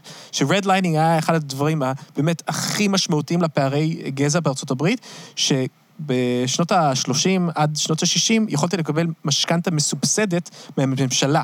שזה בעצם היה המקפצה, הסבא וסבתא שלי קיבלו, רוב היהודים קיבלו, כל הלבנים קיבלו. זה כאילו היה המקפצה שלך ממעמד הפועלים בעיר למעמד הבינוני בפרברים. אה, ואחרי שנים, ידעו, ידעו שהשחורים לא קיבלו את, המשכנתות המסובסדות האלה, אבל לא בדיוק ידעו למה. ואחרי זה היסטוריונים נכנסו לארכיונים וגילו מפות, ממש מפות, שצבעו אזורים שלמים של העיר באדום, ואמרו, זה high risk, זה סיכון גבוה, אי אפשר לתת את המשכנתות. הממשלה. ואז, הממשלה, הממשלה. ה-Federal Housing Association, the. FHA, מה שנקרא. ואז כאילו, מי שנבר קצת בזה, אמר, רגע, למה זה נצבע באדום? לפי אחוז השחורים שגרים בשכונה. כלומר, זה ממש היה כאילו... ועכשיו, זה, זה, וזילו עושים את זה שוב. כלומר, בסופו של דבר, כמו שאמרתי, הציונים האלה בעיקר משקפים אה, רקע אה, סוציו-אקונומי. זה אומר שבארצות הברית הם גם בעיקר משקשים... בעצם מנציחים את ה... זה, ו- ו- בדיוק. ואז מה שיוצא זה אזורים אדומים שאף אחד לא רוצה לגור בהם ומחירי הנדל"ן לא עולים, והאזורים הירוקים של הלבנים ה... קיצור, אז הנה דוגמה לכאילו דרך שבו הדבר הזה משפיע על החיים שלנו בצורה מטורפת, וזה לא בהכרח צרכנות. אה, ויש עוד... מעניין. אז בוא, באמת המהלך הזה של האוצר, שהם כל כך רצו להכניס כן. אמ, אמ, מין תחרות כזאת בין עובדים, מהמם. ויותר אה, חופש ניהולי למנהל, כן. של הבתי ספר, ותגמול למורים מצטיינים, כל הדברים האלה, איך איך אתה כן, רואה את זה בעצם? כן, זה... אז קודם כל, יש פה כמה דברים. הדבר הראשון שהוא מעניין פה זה ש... למה משרד האוצר עושה את זה? למה, זה? למה לא משרד החינוך? כלומר, אנחנו בעצם מדברים פה על ניהול של חינוך. השאלות הכי גדולות, יש מומחים כאילו עד אינסוף. יש בכל אוניברסיטה בישראל פקולטה שלמה של חינוך עם אנשים שכל החיים שלהם, ועכשיו מביאים לי איזה ילד כלכלן בן 35, שהוא... אפילו לא, מה, אתה ראית את הסרט על יפה בן דוד? הוא... לא. תשמע, היא יושבת שם עם חבר'ה בני 26 מולה, זה כאילו ממש משפיל, אתה יודע. ממש אנשים שכאילו סיימו לימודים לפני... כאילו, אני תמיד חשבתי שנערי האוצר זה פיגר אוף ספיץ' כזה, נכון. שמסיתים נגדם. אתה יודע, כי בסוף אתה רואה את שאול מרידור, בסדר, בן אדם כן. צעיר כאילו, כן. אבל לא ילד. לא. ממש, אתה רואה את הפגישות, היא יושבת מול אנשים בני 26, 7, כאילו, זה... מדהים. אה, אני באמת, הנה, אפילו אני כן. חשבתי שהם כבר בני 35 כזה. אה, בקיצור, אז אז כאילו, קודם כל... הבוסים שלהם, אבל האנשים ברור, לא, לא, עובדים מולה, הם- ברור. ממש ילדים. אז קודם כל יש את כל העניין הזה. הדבר השני ש... אז כן, אז ברור, יש פה דברים ש... אגב, אחד הדברים שמעניינים באוצר, אני אגיד שתמיד אנחנו חושבים האוצר כקמצנים, שאתה יודע, שומרים על הקופה, כן.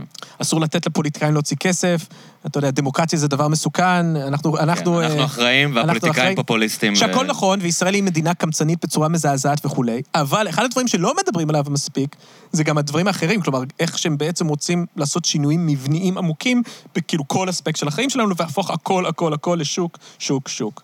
אמ, וכמובן הדברים האלה נוס- נוסו בארצות הברית ונכשלו. כלומר, אה, התחרות עם המורים, למשל, זה דבר שבעיקר מוביל לרמאויות, נגיד, במבחנים, כי בקודם כן. כל, איך אתה בודק?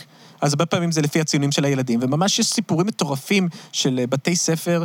אגב, יש גם מאבקים, בארה"ב יש גם תחרויות בין בתי ספר וכולי, אז, אז, אה, אז קודם כל זה יוצר incentive structure ממש דפוק, כלומר, אה, במקום כאילו, אתה יודע, אה, אה, בסופו של דבר אני חושב שזה מגיע לרמה הזאת. הראייה הכל כך צרה ושלילית שלהם על מה זה בכלל בן אדם, כאילו, מה, what motivates people, מה גורם לאנשים לקום בבוקר ולעשות את העבודה כן. שלהם? כאילו, אתה באמת חושב שהפאקינג בונוס הזה שמנהל ייתן, שאגב, כל, העוב, כל, כן. כל המורים האחרים גם יכעסו אליך כי קיבלת את ה... כאילו, אתה חושב שזה מה שמתמרץ? אני? קראתי את יפתח גולדמן, שהוא מתעסק בחינוך, כן, והוא. אז הוא כתב, כאילו, המורה, חשוב לו גם שהתלמיד יהיה מרוצה. ההצטיינות שלו היא לא עוד 300 שקל. כן. היא כאילו שמור, שההורה אומר לו תודה רבה, מאוד עזרת לבן שלי. שהוא רואה תלמיד שלו מצליח. כאילו, אנשים שבוחרים ללכת לחינוך, בדיוק, זה יש הקטע. להם עוד מוטיבציות. הרי אם הוא היה כל כך מתעניין או, רק בלעשות כסף, או. אז אולי הוא היה הולך להייטק. כנראה כאילו. שהוא לא היה מרוויח כן. את ה...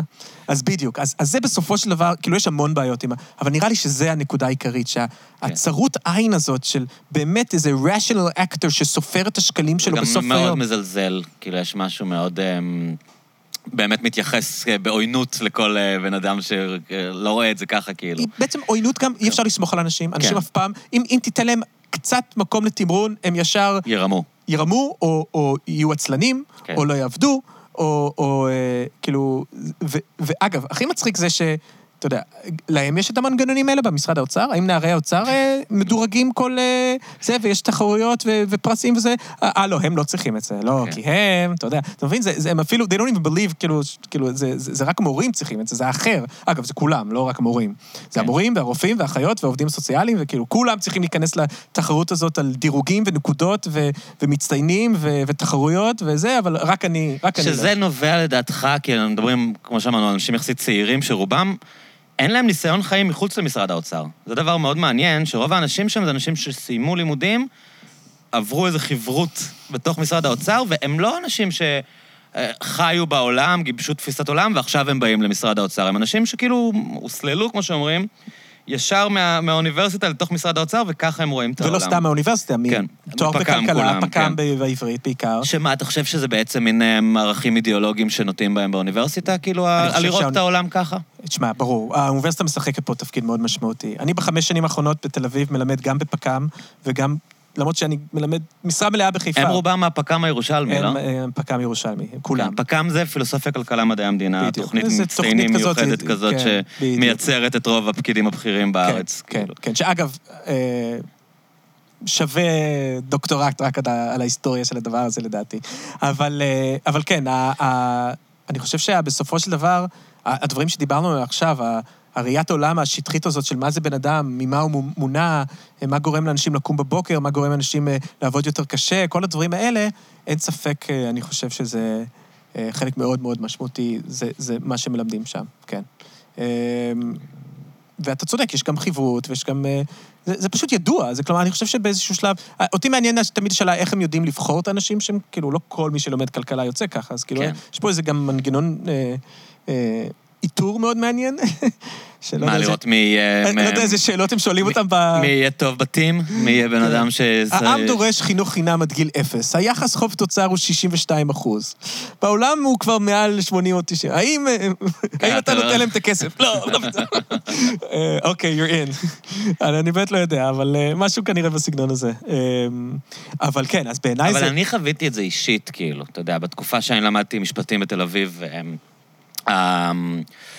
התיאוריה הכלכלית של המשפט, הניתוח הכלכלי של המשפט היה. היה מוביל, אני חושב שזה כבר אולי פחות ככה, אבל זו הייתה תקופה שזה היה הכל, כאילו, הם ממש זלזלו בכל מי שלא מנתח ככה. כן, מכיר. אה, אריאל פורט ואנשים אחרים מהמם. שבאו משיקגו ומהאוניברסיטאות שהמציאו את הדברים האלה. שיקגו, בעיקר. כן, פוזנר ושיקגו. בדיוק. אמ, ואני ממש זוכר שעל כל דבר גרמו לנו לחשוב בצורה של תמריצים. כאילו, האם, מה, למה בן אדם יעשה את זה? כי זה מו- מוסיף לו ערך, מוריד לו ערך, מוסיף לו ערך, מוריד לו ערך. כאילו, לאנשים אין שום מוטיבציה להיות טובים. זה אין, גם אין להם שום רק- מוטיבציה לעזור למישהו, אין, גם- אין להם שום מוטיבציה להרגיש טוב עם עצמם. המוטיבציה היחידה היא עוד עשרה אחוז, פחות עשרה אחוז, עוד מעט שקל, פחות שלושים שקל, כאילו. בדיוק, הם גם מדללים את הרעיון הזה של תמריץ ל- לכסף. כלומר, אני לא... אתה רוצה להגיד שאנשים עובדים לפי תמריצים? כן, ברור. מה התמריצים? כמו שאמרת, הם רוצים להיות מורה אהוב. הם רוצ- בעצמם הרי, הם בעצמם מלמדים באוניברסיטת תל אביב כשהם יכלו ללמד ברייכמן ולעשות יותר כסף. הרי הם בעצמם לא מונעים מכסף, הם בעצמם מונעים. מ- אז זה- מיוקרה אגב, מקצועית. גם עצם, רוב האנשים שקיבלו החלטה להיות באקדמיה, גם קיבלו החלטה שהיא בהחלט לא... כן, הם כולם היו יכולים להיות עורכי דין מאוד מצליחים בדיוק. ולעשות לא, לא, 150 אלף שקל בחודש הרי, אז הם בעצמם לא בחרו ככה. לא, זה אבל, מוזר. אבל את התמריצים חייבים... כן. אה, וזה גם איזה... בסופו של דבר גם אני חושב שזה באמת איזושהי ראייה ש, שפשוט אה, כולם חארות. אה, אתה ו- וגם הדבר השני זה ניהול עצמי, כלומר, הרעיון הזה של דמוקרטיה, הרעיון הזה שאנשים יכולים לקחת אחריות על החיים שלהם. אה, אתה יודע, הרעיון של המנהל, שיותר כוחות אה, ניהולים למנהל, אתה יודע, אני לא נגד זה לגמרי, אה, אם זה כל מיני בירוקרטיות במשרד החינוך, להוריד את זה לרמה, אתה יודע, לוקל יכול להיות דבר טוב, אתה יודע, גם בפוליטיקה וגם בדמוקרטיה, כמה שיותר לוקאלי, לפעמים זה יכול להיות דבר חיובי. אני לא נגד זה. אבל, אבל אף, למה הדיון הוא לא על, גם על זה ש... לתת למורים קצת יותר אה, אה, כוח? אה, למה המורים לא בוחרים את המורה המצטיין, למשל? למה זה חייב להיות המנהל? למה זה כאילו... אפילו דברים כאלה, במובן הזה של כאילו, אה, empower אה, את המורים האלה, במקום כל הזמן להגיד להם כמה ש... כן. אה, וכן, השאר הדברים הם דברים כלכליים, זה לשבור את האיגוד עובדים, אה, להכניס חוזים אישיים, אה, ותק, לשבור את הוותק. ותק, אגב, הסיפור עם ותק הוא תמיד אותו דבר. שהסיבה שאיגודי עובדים אוהבים ותק, זה ברגע שהם באמת חושבים שכאילו, זה... כל בן אדם שנשאר עוד יום, אז הוא כאילו, לא יודע, יותר יעיל, יותר זה... זה ותק זה דבר שקודם כל, you can't manipulate. כלומר, אי אפשר לעשות לזה מניפולציות. לא יהיה למנהל, אה, יביא את החבר שלו, והוא ידאג שהוא יקבל את הדירוג הכי גבוה ויקבל כל מיני... כלומר, אי אפשר לזייף ותק, שזה בהיסטוריה של איגודי עובדים, זה דבר מאוד חזק. ודבר שני, זה, זה מאחד ולא מפרק.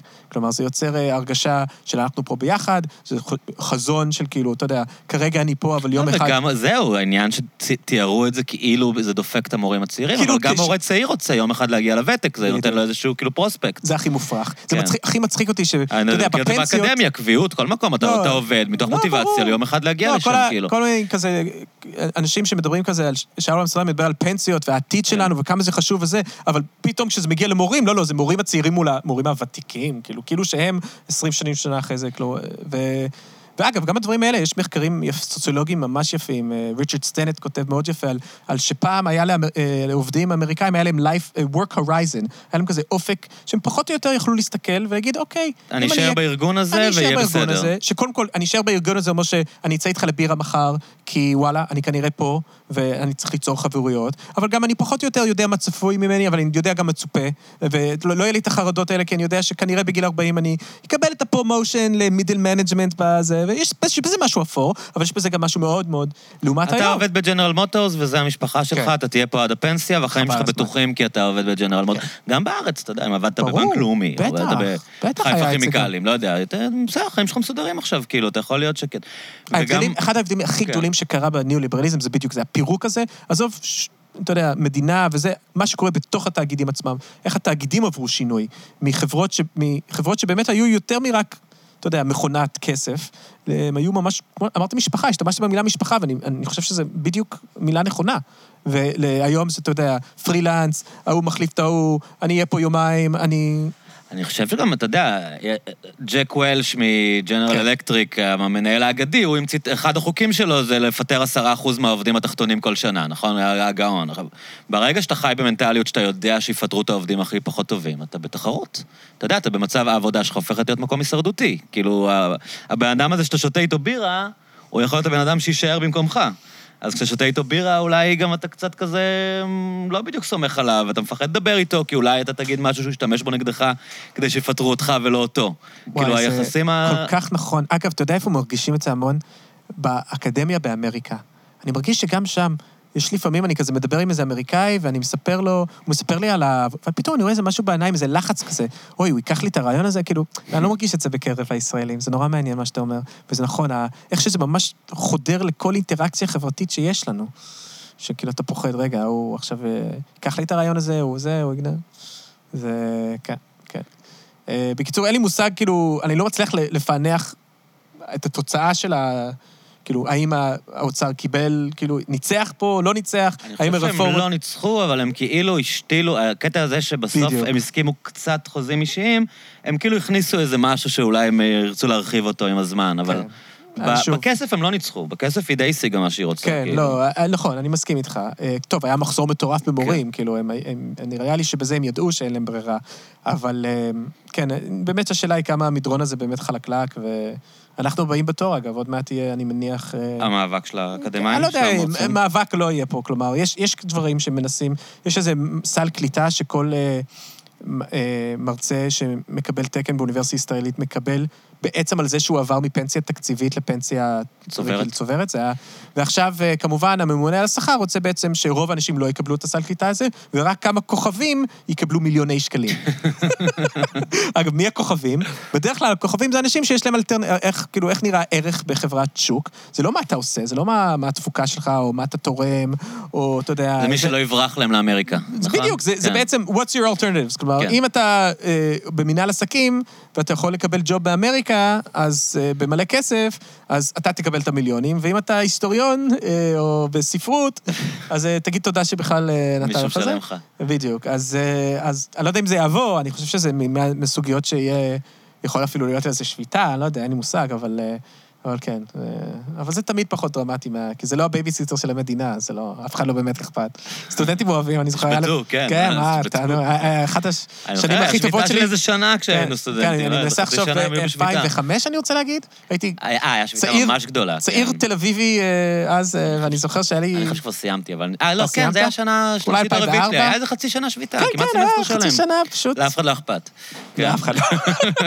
שאגב, אתה חושב שזה היום אותו דבר? כי אתה חושב שצעירים היום עברו את התהליך האמריקניזציה הזה של, אתה יודע, אני רוצה ללמוד, אני חייב, אני חייב לסיים, אני חייב לצפור הון אנושי בשביל אה, להצליח. להצליח בשוק עבודה, כן. כאילו, יהיה או לא שעדיין... יודע, ישראל היא שונה. נכון, היא כל כך שונה. גם יש איזה דברים קהילתיים עמוקים כאן. אתה יודע, נכון. אתה בא ל...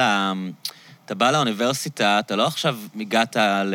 ללמוד בבוסטון מכל רחבי ארצות הברית ואין לך חיבור עם האנשים. נכון. הרי בסוף אתה מגיע לשם, יש אנשים שהיו איתך בצבא, יש חבר'ה שהיו איתך בתיכון, יש, אתם באים מעולמות עם הרבה קרבה והרבה משותף, זה קצת יותר קשה ליצור כאן את ההפרד ומשול הזה. אני חושב שזה חלק מהסיבה שבישראל. יש איזושהי סולידריות. אגב, אחת הסיבות שחזרתי כן. לארצות הברית, אה, לישראל בארצות באמריקה זה מדהים, אני זוכר שהיה לי סטודנטים שהייתי בהרווארד, שהייתי מלמד, שהם כאילו, אתה יודע, סיימו בראשון ליוני, ומספרים לי שב-15 ליולי, כבר 15 ליוני, עוד שבועיים אחרי זה, הם מתחילים לעבוד בגולדמן סאקס. שאלתי אותם, כאילו, אתה יודע, זה ילדים עשירים, זה, מה, לא חשבתם, אולי לטייל? לטיול, משהו? אתה יודע, this is your one. וכזה הסתכלו עליי, זה מרחיק אותם מהמיליון, ברור. זה מה... כאילו, מה? כאילו, זה היה, the rat race, כאילו, לא מאפשר לי... אה, אה, אתה גם אפילו לא יודע איך יסתכלו על זה בגולדמן זאקס, אתה מבין? כאילו, אחרי זה הוא יבוא לראיון ויגידו לו, רגע, מה, הבן אדם הזה עכשיו נסע שנה למזרח? כאילו, מה, איזה רעיונות נכנסו לו שם לראש? ואני רוצה בן אדם דריבן, כאילו, בסוף, אתה יודע, אני רוצה בן אדם שיעבוד 18 שעות, אם הוא, יש לו אספירציות לטייל ולעשות מדיטציות ו... וסמים פסיכדלים, אני לא בטוח שאני רוצה אותו בארגון שלי בכלל, כאילו, זה... כן, לגמרי. אה, בפייננס זה בטוח כן. ככה. קיצור, אז... כן, לא, הקטעים האלה, בכלל, אני, אני גם... השנה הזאת בארצות הברית גרמה לי להבין, כאילו, להיזכר כל הסיבות למה חזרתי. אני חושב שהעם האמריקאי, יש לו... כאילו, מת על אמריקה, אני אמריקאי בעצמי, ההורים שלי אמריקאים, אבל אה, יש שם פשוט רמות אינטימיות שאתה מתקשה להגיע אליהם עם אמריקאים, שהרבה יותר קל עם... אתה יודע, קשה, קשה. יש, אמ, כאילו, קצת בהקשר למה שאמרת עכשיו, ב- בישראל, אמ, יש תפיסה עמוקה, כאילו, גם אם אנשים לא מצהירים עליה, של אנשים כן, כאילו, חושבים במונחים של מדינת רווחה, לא? כאילו, ההתרשמות שלי שכאילו הרבה אנשים כזה, הם אוהבים את הסיסמאות של שוק חופשי. אתה יודע, כאילו ביבי ממשיך להגיד, אה, גם עכשיו בקמפיין הוא התחיל להגיד שוק חופשי, אני אפתור את כל הבעיות. כל כך מצחיק שהוא מבטיח חינוך חינם עד גיל שלוש, ואז הוא ממשיך להגיד, כאילו השוק חופשי זה מין מותג כזה.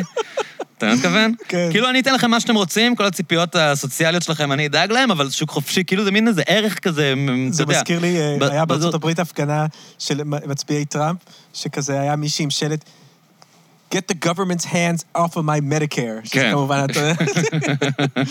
אבל כן, אה, זה מעניין מה שאתה אומר. אני דווקא לא, אני לא אופטימי כמוך, בעיקר כי אני חושב שכש... טוב, הכל תלוי מי, אבל אני חושב שהרבה ישראלים שהם חושבים על מה המדינה עושה, בצדק, מה הם רואים? הם רואים מדינה, אתה יודע, שבונה התנחלויות, שכובשת עם אחר, מדינה שמוציאה הון תועפות על, אה, על כל מיני כזה... אה, כסף שלא ברור כאילו לאן הוא הולך בכל מה שקשור... אנשים ל- קשה עם החרדים גם. בדיוק. לא, אז, כן. אז, אה, אז, אז, אז לצערי, אני, אני מרגיש שפשוט... אה, זה מזכיר לי, האמת היא, קצת את הברית, ככה בשנות ה-70, שאיבדה אמון באיזשהו מקום בפוליטיקאים ובמנהיגים שלה, וזה כמובן הוביל. אז, אז אה, מה, מה גורם לך, בוא נשאל אותך, אה, מה גורם לך כאילו... למה אני אופטימי? כן, מה כי אתה רואה כי ש... לאנשים, אני חושב שזה ב-DNA שלהם, או DNA זה סתם מילה שחוקה, אבל יש משהו בתפיסה הבסיסית של העולם, שאנשים כן חושבים שהמדינה צריכה לדאוג להם פה. מה שבאמריקה לאנשים אין במודעות בכלל. כן. איפשהו כאילו בקורונה, לאנשים היה נורא ברור, כן, שכאילו כן. אין לי עבודה. איך זה יכול להיות? אתה רואה אנשים בטלוויזיה, אומרים, מה, סגרו לי את העסק, תביאו לי כסף. לא יודע איך אומרים את זה. ולכאן זה היה כן. ברור לכולם, כאילו גם התקשורת, שבימים כתיקונם היא מאוד אה, מדבררת האוצר וזה, אה, אם בן אדם כאן יבוא בטלוויזיה ויגיד, כתבות האלה, תמיד היה, אתה יודע, היה כתבי רווחה שמראים לך את המסכן, ואז כתבי כלכלה שאומרים לך, מדקלמים את האוצר, אבל, אבל, אבל עדיין יש לך תמיד במהדורות חדשות את, ה, את הסקשן הזה של הכתבות רווחה האלה, של אנשים מסכנים. והאנשים המסכנים האלה, אין את העניין הזה שאמר, שדיברנו בתחילת השיחה, של זה הבחירה שלך. דפק את עצמך. אנשים מסכנים, הם, הם מביאים רייטינג ומראים לך אותם בחדשות, כי לכולם ברור שזה לא בסדר שמישהו מסכן. כולם, כאילו, אין כאן אם התמונה של חד-הורית, הזקן שאוכל מה... אין כאן את השיח של אה, להגיד לאמא חד-הורית שאת עצלנית והיית צריכה לחשוב אם התחתנת ולמה הבאת ילדים, שזה משפט מאוד אמריקאי כזה. זה, כאן כאילו יש לאנשים איזושהי תפיסה שהמדינה צריכה לדאוג לאנשים, כאילו. אפשר להגיד כמה, למה העובדים במגזר הציבורי מרוויחים יותר מדי, למה בנמל אשדוד מוצאים, אתה יודע, משקרים כן, במספרים ואומרים שהם מרוויחים יותר ממה שהם מרוויחים, אבל, אבל יש עדיין איזושהי תפיסה של למה אני צריך לשלם על זה, למה המדינה לא דואגת לי. ואתה רואה ש, שזה שביבי עכשיו... מתעורר ואומר, כן. אני אתן חינוך חינם מגיל אפס. זה בדיוק יושב על זה שהוא הוא מבין שככה אנשים חושבים, למה אני צריך לשלם כל כך הרבה על גנים? באמריקה אף אחד לא חושב לא. למה אני צריך לשלם כל כך הרבה. אתה צריך לשלם כי זה עולה כסף. מי- אתה יודע, הכסף לא גדל על העצים, כאילו, תעבוד ותשלם על זה. אני מסכים איתך, זה, זה אין ספק. יש, יש ביטוי באנגלית sense of entitlement, איזו הרגשה של מגיע לי כזה, שפשוט חינכו את האמריקאים שכאילו לא מגיע לך כלום.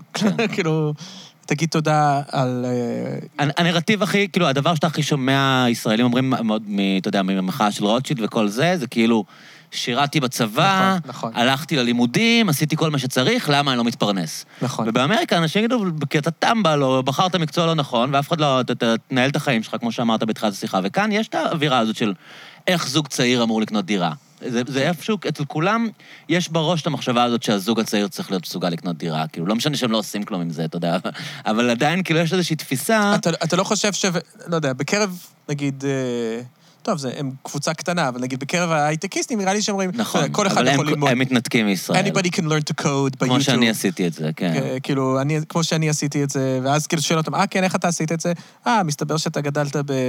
ברעננה, ומסתבר שהיה לך מחשב בבית בגיל שמונה, ומסתבר שאבא שלך ידע לתכנת והוא לימד אותך, ומסתבר שכאילו אה, עשית שיעורי פרטים בחמש יחידות תמיד את מתמטיקה. הבן אדם הזה מהפריפריה שעשה, הלך נכון, לזה, והופכים אותו לדוגמה, אבל... ברור, זה תמיד יש. אבל, ה outliers, כן. אבל אתה צודק, זה מעניין מה שאמרת, מתנתקים מהמדינה, כי זה, אני חושב שזה מאוד נכון. אבל מצד שני, מתנתקים מהמדינה, ומצד שני כולם רוצים כן, להיות הם. חלק מזה, כן. להיות הם. אז כאילו, אז יש פה איזה דיסוננס. אבל, אבל אני, כן, אני מסכים איתך לגמרי שבסופו של דבר, אה, בדברים האלה... עכשיו, אבל קח דוגמת החינוך, זה, אוקיי? כשאני כותב על זה בטוויטר, אתה יודע, חינוך מגיל אפס, אתה אומר, אה, מי, מי, מי יהיה נגד זה? כאילו, מה... כן. והדבר הראשון שאתה שומע זה, "מה- למה אתה רוצה לסבסד לחרדים? אבל זה טוויטר, מן.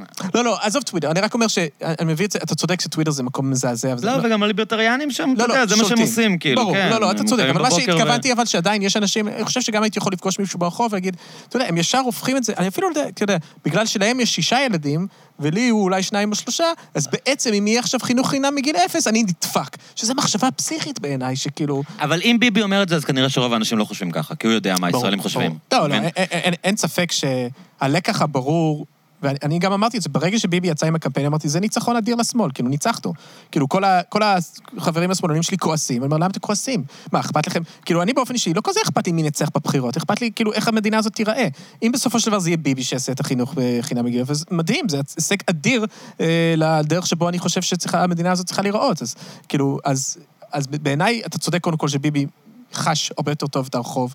ובכלל, אני חושב שמה שהגוש שינוי הזה עושה עכשיו, ליברמן בעיקר, אבל גם לפיד, בעיניי זה פשוט פסיכי, כאילו. אני, אני אומר לך עכשיו, לדעתי ה-61 יגיע, ויגיע בדיוק בגלל הדברים האלה. דווקא ראיתי עכשיו סקר שהדבר שהכי מעניין ישראלים עכשיו זה העניין הכלכלי, יוקר המחיה, ח, כאילו הרבה יותר מהמצב הביטחוני, הרבה יותר מיחסי דת מדינה, הרבה יותר מכל דבר אחר. ו... יודע, יש סקרים שאפילו ערבים רוצים להצביע לו בגלל זה. כן, לא, כאילו, כן. אה, כאילו, חינוך מגיל אפס, זה זה כמובן, אתה יודע, בתור מישהו שעזר לכתוב את ה... לא שאני מאמין לו. לא, כאילו. זהו, זה- זה- זה- זה- זה דבר אחר. אבל אבל גם אם מישהו משקר, זה עדיין... למרות שהוא כן עשה את מגיל שלוש, הוא כן... נכון, זה אחד הדברים נכון. שהוא עשה בעקבות המחאה נכון. החברתית, כאילו... טרכטנברג וזה, אבל לא, גם, אני תמיד אומר, גם אם מישהו משקר, הוא נתן לזה לגיטימציה. אני יכול להגיד לך בתור איש שמאל, כן. כמה קל זה עכשיו בשבילי לבוא, אתה יודע, גם לנו, ב, כש, כש, אה, אה, כשהייתי בקבוצה כזאת של חבר'ה, לא, לא באופן ישיר, אבל אה, אתה יודע, עזרתי לכתוב את ה... להסתכל על המצע הכלכלי של מרץ ו, וזה, ברור שהיה לנו חינוך אפס, כאילו, עד שלוש, זה אחד הדברים הראשונים שכאילו אמרנו, ואתה יודע, אנשים לא דיברו על זה, מי ישלם על זה, וזה היה כזה משהו קוריוז סוציאליסטי, ו- ועכשיו ביבי אמר את זה, אתה מבין? אז זה כאילו, זה- אז גם אם הוא משקר, מעולה, כאילו, מבחינתי זה עדיין הישג. כן. כי זה הכל עניין של, בסופו של דבר, הדברים האלה זה עניין של שיח, ובתור היסטוריון אני רואה איך בסופו של דבר שינוי קורה, ושינוי קורה בדיוק ברגעים כאלה, שמישהו בא, כאילו, ואומר את הדבר הזה שאתה לא מצפה שהוא זה, ואז עכשיו, כאילו, כולם יגידו את זה, וכולם יגידו את זה. אגב, אפילו רע"מ, כאילו, איך רע"מ, אה, אה, אה, כאילו, הפכו הוא להיות... נתן להם לגיטימציה, כאילו, אבל הוא יודע להתהפך. למה הנדל לא יכל לשבת עם המשותפת, אבל זה? כי ביבי אמר שמותר עם רע"מ, כאילו, אז ביבי גם, הוא מחליט, כאילו, מה מותר ומה אסור בחברה שלנו, אז כאילו... אז אה, כן. אגב, אני חושב שגם נראה את זה בדברים אחרים. אני חושב שנראה עולם שקצת מתהפך. זה כבר תהליך ארוך טווח, אבל נראה לי זה קורה, ש... המפ- הליכוד תהיה יותר ויותר מפלגה ש... סוציאליסטית, כאילו. כן, שה... זה- חברתית, כמו שאומרים בישראל. בדיוק, חברתית. ו... ואנחנו נראה את לא, הליברמן. הוא קיבל את הכאפה שלו, אני חושב שהוא באמת היה אידיאולוג מילטון פרידמני כזה, כן, כן. והוא כל הזמן משחק אותה, גם עכשיו הוא מדבר על איך הוא היה אמיץ בתור שר אוצר, כן. אבל אחרי, והוא שילם על זה מחיר, הוא לא הסכים לשלם את המחיר הזה עוד פעם. כלומר, אחרי שהוא היה שר אוצר, ואז הוא היה בראש הליכוד, הוא קיבל את ה-12 מנדטים האלה שלו, והוא הבין למה הוא קיבל את ה-12 מנדטים האלה, הוא היה שנוא, שנוא בימין, שנוא גם היה להם אז אלטרנטיבה של שרון, שנאו אותו בעיירות פיתוח, והוא הוא, הוא הפסיק עם זה. המחאה החברתית הגיעה איך שהוא נבחר, הוא הרגיש את הכיסא שלו רועד, והוא... תשמע, ליברמן הרבה יותר גרוע מהשרים של הליכוד, מבחינת... אה, הוא הרבה יותר ימני מהם, כאילו. חד משמעית. כן. כי בשנים האחרונות כן. אגב, הכי מצחיק אותי, האירוניה הנהדרת זה שלפעמים אתה שומע אנשים מתרפקים על כאילו, אה, ביבי שר האוצר וזה, מי זה כל האנשים האלה? זה הרק לא ביבי. כאילו, זה זה כאילו אנשים כאילו... שזה המעמד, זה מעמדי בסוף, אתה יודע, זה מעמד בינוני גבוה, שלהם הוא היה טוב. עוד דבר שמשגע אותי עכשיו בעניין הזה, שכאילו, דיברנו על משרד האוצר ואגף התקציבים, ואיך ש... ואני, אתה יודע, לי מפריע שבעצם ילד בן 26 שלא נבחר, קובע את ה... איך נראה החינוך במדינה שלנו במקום אה, נבחרי הציבור. במקום שרת החינוך, שאשכרה כאילו אה, מישהו הלך והצביע לה בקלפי. והיא דוקטור לחינוך. והיא דוקטור חינוך. ו, אה, ו, מה- ומה שמדהים זה שאני אומר לאנשים, אה, אתה יודע, אה, אה, מה, למה, למה אגף התקציבים צריך לקבל את ההחלטות האלה? אתה יודע, הוא אומר, אה, מה זה, אתה ביביסט? אה, זה ה deep state? אה, זה אסור לתת לפקידים כוח? אה, אה, אתה מבין? זה כאילו... זה כל כך מוזר, זה גם כל כך לא קונסיסטנטי. אתה יודע, כן, גם כמובן הפקידים שמרו עלינו מביבי, הרי מה היה- מה היה עם אה, שאול מרידור וקרן טרנר. בקורונה? זה היה רגע. בעיניי. שהבן אדם רצה לתת לאנשים כסף, וכאילו כולם היו בעד הפקידים שומרים עלינו ממנו. ממה? מזה שהוא רוצה לתת לך כסף, כאילו? איפה קרן טרנר עכשיו? לוביסטית של איזה קרן כן, היא הון. באה לוועדות הכנסת כדי... כן, אה, מדהים, מדהים, מדהים. סגירת מעגל אה, יפה. ואגב, התקשורת גם שיחקה פה תפקיד מאוד חשוב, עשו לה כזה בעובדה כזה... כן, כן, הרימו לה בטירוף, כאילו... היא הייתה אני גיבורת. ה- לא, גם לא היה אפס דיון, הנכונות לקבל את הנרטיב, שכאילו בסוף מה ישראל כץ רצה, לעזור לאנשים, אני שונא אותו כמו כולם, אבל... ברור. הוא רצה לתת לאנשים כסף, גם עשו את זה בכל העולם, הוא פופוליזם. גם באמריקה אנשים קיבלו צ'קים בדואר, כאילו. מלא, אתה יודע כמה כסף כן. קיבלתי? הוא רצה לתת כסף לאנשים כשקשה להם, והם באים שם, וכאילו, אבל טוב, זה באמת גם השנאה לביבי, אתה יודע, אתה רואה עכשיו איך זה מתהפך. שני הצדדים כאילו באמת צבועים. כל הדיון המעייף הזה של דיבור מפוזיציה, נכון, אתה הוא צודק. עובד משני הכיוונים, זה ברור כאילו לגמרי. כן, אני לא יודע, בג- אולי בגלל באמת שמה שמעניין אותי בעיקר זה השאלות הכלכליות, ואני לא כזה, אולי גם אין לי את הצדדים השבטיים האלה, כי אני בכל כן. זאת חצי אמריקאי, אין לי את ה... אבל כאילו, כן, ה- כל ה... כל דבר שביבי צו- צו- אומר זה חייב להיות רע, זה לא... לא מדבר לא- אליך. לא לא- לא מתחבר אני רוצה. לדבר איתך עוד דברים, כי אנחנו כן, יודעים שאני כן. יודע שאנחנו מוגבלים קצת בזמן. אז אה, אני יודע שלך יש עניין עם חינוך פיננסי, נראה לי, לא? שכאילו, מה מה שאתה חושב... אני, עכשיו אה, שאול אמסטרדמסקי כתב אה, ספר. כן. אמ, מה הכותרת שלו? כסף טוב? טוב כסף? לעשות כסף טוב? כסף זה אחלה, כן. אמ, י- יש, יש מימד אידיאולוגי לכל השיח הזה של חינוך פיננסי, נכון? כן, שכאילו, חבל הזמן. למה לא מלמדים אותי בבית ספר אה, איך לשלם מע"מ? אני יודע, כל ה...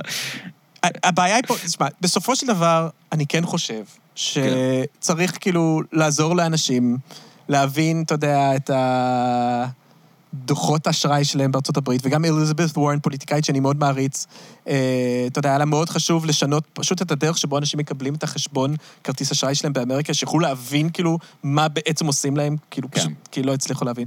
אז, אבל כמו כל דבר, הבעיה היא שבמקום שזה יהיה חלק, הייתי אומר, יחסית מינורי, מ- אתה יודע, השאלה איך לשפר לאנשים פה את החיים, זה הופך להיות העיקר. כלומר, וזה חוזר לדיון שלנו קודם על הבחירה ואינדיבידואליזם, זה, זה ניאו-ליברליזם. כלומר, כולנו חופשיים, כולנו יכולים לבחור. כלומר, אם, אם אה, רע לך, זה בגלל שאתה קיבלת את הבחירות הלא לא, לא נכונות. כלומר, זה בעצם להאשים את הקורבן פה. כלומר, זה, זה בסופו של דבר המסר פה. כן. כלומר, אם רק היית מתקשר לבנק ודואג שלא יהיה לך עמלה, אז, אז הכל היה נראה אחרת. זה לא שיש אה, ארבע בנקים בישראל רגע, ששולטים. סטנדאפיסטית, אני לא רוצה לשרוף לה את הבדיחה, אבל היא אמרה שהיא כאילו ראתה את שאול אמסטרדמסקי והתקשרה לבנק, ואין לה כסף, הם כאילו אמרו לה, לא, אי אפשר, מצטערים. אבל שאול אמסטרדמסקי אמר, כאילו. יש אה, אורי כובע גבר, יש לו, קטע מדהים, אמסטרדמסקי חושב, בזמן השואה, שהוא עושה כזה קטע מצחיק כזה. מי, מי אומר? אה, אה, הוא עושה כזה... לא, אבל מי מספר את זה? אה, אורי כובע גרב קוראים כן, כן, לו? אה, הוא טיפוס כזה. כן. הוא הזה שתמיד מצלם אנשים מפורסמים ואומר... כן, כן. מה המשפט כאחד שתמיד- האדם. כאחד האדם. כן. בקיצור, אז כן, אז אתה יודע, זה- זה זה מגיע לרמות גיחוך כאלה של כאילו, כן, עמלות זה דבר, זה מה, זה 20 שקל? כאילו, בוא נדבר על הפאקינג, כאילו, כאילו, הבעיה שהעשירון העליון פה עושק את כולנו בזה שכולנו משלמים שכר דירה פסיכי, ואנחנו לא יכולים לקנות את המשכנתאות שהם קונים, או, או הבנקים בריכוזיות מטורפת, והרווחים של המיליארדים שלהם, לא בגלל העמלות, אלא בגלל פשוט, אתה יודע, דברים הרבה יותר עמוקים, אה, שקשורים גם ל... אתה יודע, איך מקבלים החלטות פה על מה יהיה הריבית. קיצור, דברים הרבה יותר גדולים, זה הבעיה שלי עם הדבר הזה. כלומר, בסופו של דבר, אני לא נגד שאנשים יהיה להם קצת יותר... אה, אה, של ואגב, מעמדות זה- יותר נמוכות. כן, וזה חודר עמוק. אני... בכלל, אני... זה מג... אני... אה, אני... רואה עכשיו, כאילו, בחטיבת ביניים, מתחילים להחדיר את החינוך חינוך הפיננסי. פיננסי. זה ויזמות גם, עוד דבר. כן, יזמות. יזמות, מאוד חשוב. כן. ילד בן בכיתה ח' להיות יזם. אה, אז, אז כן, אז, אז אה, זה, אגב, זה גם הכי ה playbook של כאילו, יש על זה מחקרים יפים, יש בחור, גיא פלדמן, שכותב זה מאוד יפה באוניברסיטת תל אביב, על העניים והתוכניות, אה, איך, אה, אתה יודע, הביאו אותם לתוכניות אה, financial literacy, קוראים לזה באנגלית, אוריינות פיננסית, כאילו, ואנשים האלה כל כך עניים, הם לא מצליחים לסגור את החודש, וכאילו... מה טוב, תעשה עם ההכנסה הפנויה שלך? כאילו, עובדים תשקיע כזה. לטווח ארוך. לא העלו את השכר כן. מינימום 30 שנה, אבל בואו נדבר על, העמלות שלך כל פעם שאתה מוציא מהכספומט שהוא לא הבנק שלך, כאילו... אז... אה, אז זה בעצם הטיה של השיחה, כי אתה בסוף פותח טלוויזיה ואתה רואה את המגזין הכלכלי, נגיד, של כאן, כל יום יש אה, כן. אה, משחקי הכיס, כן. וכאילו במקום לדבר עם אנשים על, ה... על הדברים המהותיים, הדיון הולך לאזורים האלה, כאילו... או, או, אני, אני חושב שהשיח הכלכלי בתקשורת זה כן. או אוריינות פיננסית, כמו שאתה אומר, או הלכתי לסופר וראיתי שמשהו כן. עולה ככה. למה וב- בברלין זה עולה? ובברלין המילקי עולה כן. ככה. שאגב, אני אגיד עוד שנייה משהו על השיח הזה, כי אני חושב שגיא ליר עשה משהו מאוד יפה לשיח הזה, ואני ממש מעריץ אותו על זה עם דיפלומט ו- וזה, אני חושב שהוא עשה דבר מאוד חכם. אה, והשיח השלישי זה פשוט, אתה יודע, אתה מקבל טלפון משאול מרידור, סתם, אני צוחק, אבל כאילו, פשוט מדובבים את משרד האוצר. אני זה- דיברתי עם חברה עיתונאית, לא לא אחשוף אותה, אמ, על על העניין הזה, סביב סביב הסכסוך עם המורים. והיא אמרה לי שזה מטורף כמה באוצר הם עובדים בזה, משקיעים בזה. היא אמרה שאתה יכול לדבר עם אותו ילד בן 26, שם חצי שנה, כל היום בטלפונים עם עיתונאים, תשובות להכל, כאילו ה- ה- היכולת שלהם, המאמץ שהם משקיעים בהסברה וב, אתה יודע, לדברר לעיתונאים, זה גם, גם כאילו אינטנסיביות מטורפת וגם רמת מקצועיות מדהימה. איך הם כל הזמן לא רק מתעסקים בעבודה, אלא באיך להוציא את המסרים, איך להוציא את המסרים, איך להוציא את המסרים, ו- וכולם יודעים את זה. כאילו, מהבוסים, מראשי האגפים, עד אחרון, ה- אתה יודע, הצעירים שרק עובדים שם, פשוט מקצועני הסברה ברמה מטורפת, כאילו. כן, לא, זה, זה, זה מדהים כמה שאתה פשוט רואה, אתה רואה גם, תראה, אמסטרדמסקי אומר, אסור לד- בכלל שיהיה עכשיו דיון על השכר, כי אנחנו בממשלת כן, מעבר. נכון. ואז כאילו היועצת משפטית לממשלה אמרה, לא, לא, אפשר, אפשר, אפשר. ואז כאילו, אה, חודשיים אחרי זה אנחנו שומעים את ליברמן אומר אותו טיעון בדיוק, שהוא ניסה אה, לקבל את ה... אה, איך קוראים לזה? הלך לבית משפט בשביל אה, לעצור את השביתה. כן. אה, כלומר, אותה צווי טיעון. מניעה. כלומר, מאיפה, אה, איך זה שאותו טיעון היה לפני אה, אה, חודשיים? כי אתה יודע, כי יש פה איזשהו... אגב, גם היה קטע מדהים בשביתה הזאת, לא יודע אם ראית, שהיה גרפיקה, ב, גם, ב, נראה לי משחקי כן, כיס, כן, כן, כן, שאתה רואה אוצר... נג- רבתי עם ליאל קייזר על זה בטוויטר, כן, זה היה בתוכנית שלה, אבל תספר, כן. אה, אז היה כזה האוצר נגד ההסתדרות.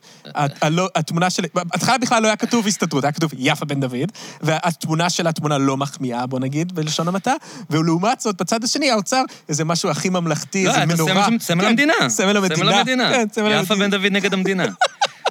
כן.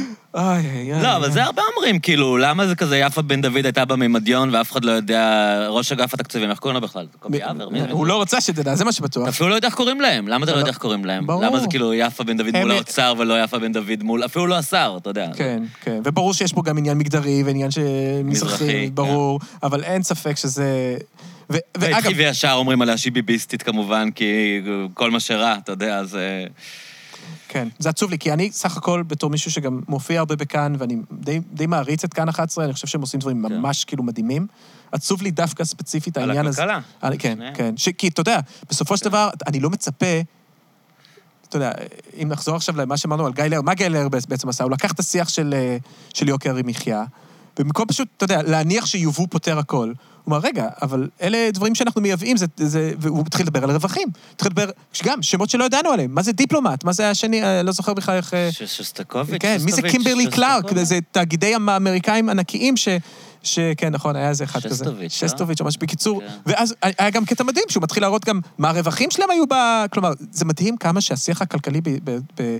גם בארצות הברית רואים את זה בטלוויזיה, לא מדברים על רווחים. רווחים זה משהו שאתה קורא רק בחלק של העיתון הפיננסי שאתה רוצה להשקיע במניות. אבל בתור חדשות, אה, לדבר על למה הרווחים ש...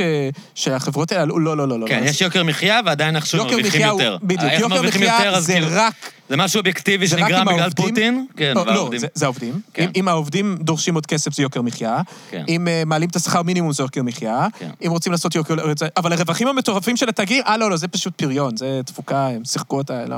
אל תדאג, זה לא מהכיס שלך, זה, כן. זה משהו אחר. אז, אה, אז, אז, אז הכי אהבתי שהוא כזה הראה גם ש... לרר? אה, ג- לרר הראה שאחד התורמים הגדולים לכחול לבן, שהוקמו, שנתן ערבויות לכחול לבן, שהם רק קמו, אה, לגנץ, כאילו, היה אותו מנכ"ל אה, דיפלומט, לא יודע איך קוראים לו, כלומר, הוא ממש גם... ויימן. כן. ממש הראה גם כן. קשרי הון שלטון בצורה מאוד יפה, אבל בסופו של דבר, אתה יודע, הוא הגיע לאיזשהו מעמד מאוד חזק, אבל בסופו של דבר, אני לא מצפה מזה מהערוץ המסחרי. מהערוץ המסחרי הם ערוצים, שאתה יודע, שלמעלה יש בעל הון, שבכל זאת יכול להתערב בתכנים, אה, למרות שכולם... כן, כאילו זה בדיוק המקום שבו כאן היו יכולים להילחם את בדיוק, המלחמה, בדיוק. כאילו. אז הנה כאן 11, זה- וזה עצוב לי, שדווקא... אבל גם הנושא הזה של יוקר המחיה, יש כאילו אמ, סוציאליסטים אחרים ממך, שכאילו אומרים ש, שהפוקוס הזה על יוקר המחיה כל הזמן הוא לא לגמרי נכון, כאילו. ש, שיש בעיות, כאילו, באמת עם בעיות של שכר, בעיות של שירותים חברתיים, כלומר, אנחנו לא סוגרים את החודש, לא רק בגלל המדף בסופר, אני חושב שזו השיחה הראשונה שלנו לא, לפני אבל שנתיים, בדיוק, זה, שלוש, אני כאילו. מסכים לגמרי, כאילו, הכל של, ה framing של יוקר המחיה לא יכול להיות שיקר בסופר. צריך לדבר גם על זילות העבודה, כלומר, זה שאנחנו מרוויחים חרא, וזה שאין לנו חינוך חינם, כלומר, זה ברור, כלומר, השיח הזה שהוא לוקח את זה רק לסופר, למדף הסופר, זה ישר כאילו יתרון. אני נדהם מזה שכל האנשים האלה, כאילו, העיתונאים, הפרשנים, לא יודע, הפוליטיקאים, אני כבר לא יודע איפה הם עומדים, אבל אף אחד לא מדבר על המע"מ. כאילו, אתה משלם 17% על כל דבר, על כל דבר. אין, אין עוד מדינות בעולם שאתה משלם על מוצרי יסוד ככה. יש מדינות שהמע"מ הוא דיפרנציאלי, ואתה משלם על חלק מהמוצרים, נגיד דברים באזורים שלנו, אבל על ירקות, על, לא יודע, אולי על ירקות יש פטור, אבל על הרבה, הרבה מוצרי אה, בסיס כאן, ש, שהמע"מ בכל אירופה ובארצות, הוא תמיד דיפרנציאלי. העשירון על הרבה מהמוצרים האלה של הסופר אתה משלם 5% מע"מ, 6% מע"מ, וכאן זה כאילו, זה, על זה לא מדברים, כאילו, אתה יודע, מדברים על התייקרויות, אבל אף אחד לא מדבר על זה שהמע"מ כזה מטורף כאן. העשירון התחתון בישראל ישלם יותר אחוז מס מההכנסות שלו מהעשירון העליון. בדיוק בגלל זה, בגלל שיש כל כך מיסים הרבה... עקיפים. אה, בגלל המיסים הרגרסיביים. שמע, לפעמים אתה לא שומע על הדברים האלה, אבל בשקט בשקט, כאילו, בשיא של המשבר באוקראינה, אה, אולי זה, זה לא מע"מ בדיוק, אבל ליברמן, כן, הדבר היחידי בערך שהוא עשה, הדלק. הוא כן. הוריד, כן, הוא הוריד את המס על הדלק, אבל, אבל אתה צודק, כלומר, מע"מ זה צריך להיות משהו שהוא... אה, שברור שזה מס מאוד רגרסיבי, ש... גם, במצעים שאז היו של גם עמיר פרץ וגם נראה לי אה, מפלגות אה, גם של מרץ, אה, דיברו על מע"מ אפס למוצרים מסוימים, מוצרי בסיס. כן. אבל כן, לא מדברים על זה הרבה, זה נכון. זה... ההפך, מתי מדברים על המע"מ שרוצים להעלות את זה? המסר הוא תמיד לא- להעלות את המע"מ ולהוריד את מס החברות. זה מה שקורה בישראל כבר אה, 30 שנה, אני מרגיש. כן. אמ, היה לך, אני חושב, כתבת מאמר או זה, על, על העניין הזה שקצת נגענו בו מקודם, באמת על, אה, על ההטיות האידיאול- האידיאולוגיות של אה, מדעי ההתנהגות, כאילו, כן. ו- וכלכלה, שכאילו באמת, הזכרת קצת באגביות גם את דן אריאלי, ודברים כאלה. זה נושא שהפך להיות מאוד טרנדי, כאילו, מאוד פופולרי, כולם קנו את הספרים האלה גם, זה לא רציונלי במקרה, לפני זה היה את הכלכלן הסמוי, יש כזה, הם, הם, אנשים מאוד אוהבים את ה... את הסוג הזה של החשיבה, אבל אתה, אתה כאילו חושב ש... שיש עם זה בעיה, לא?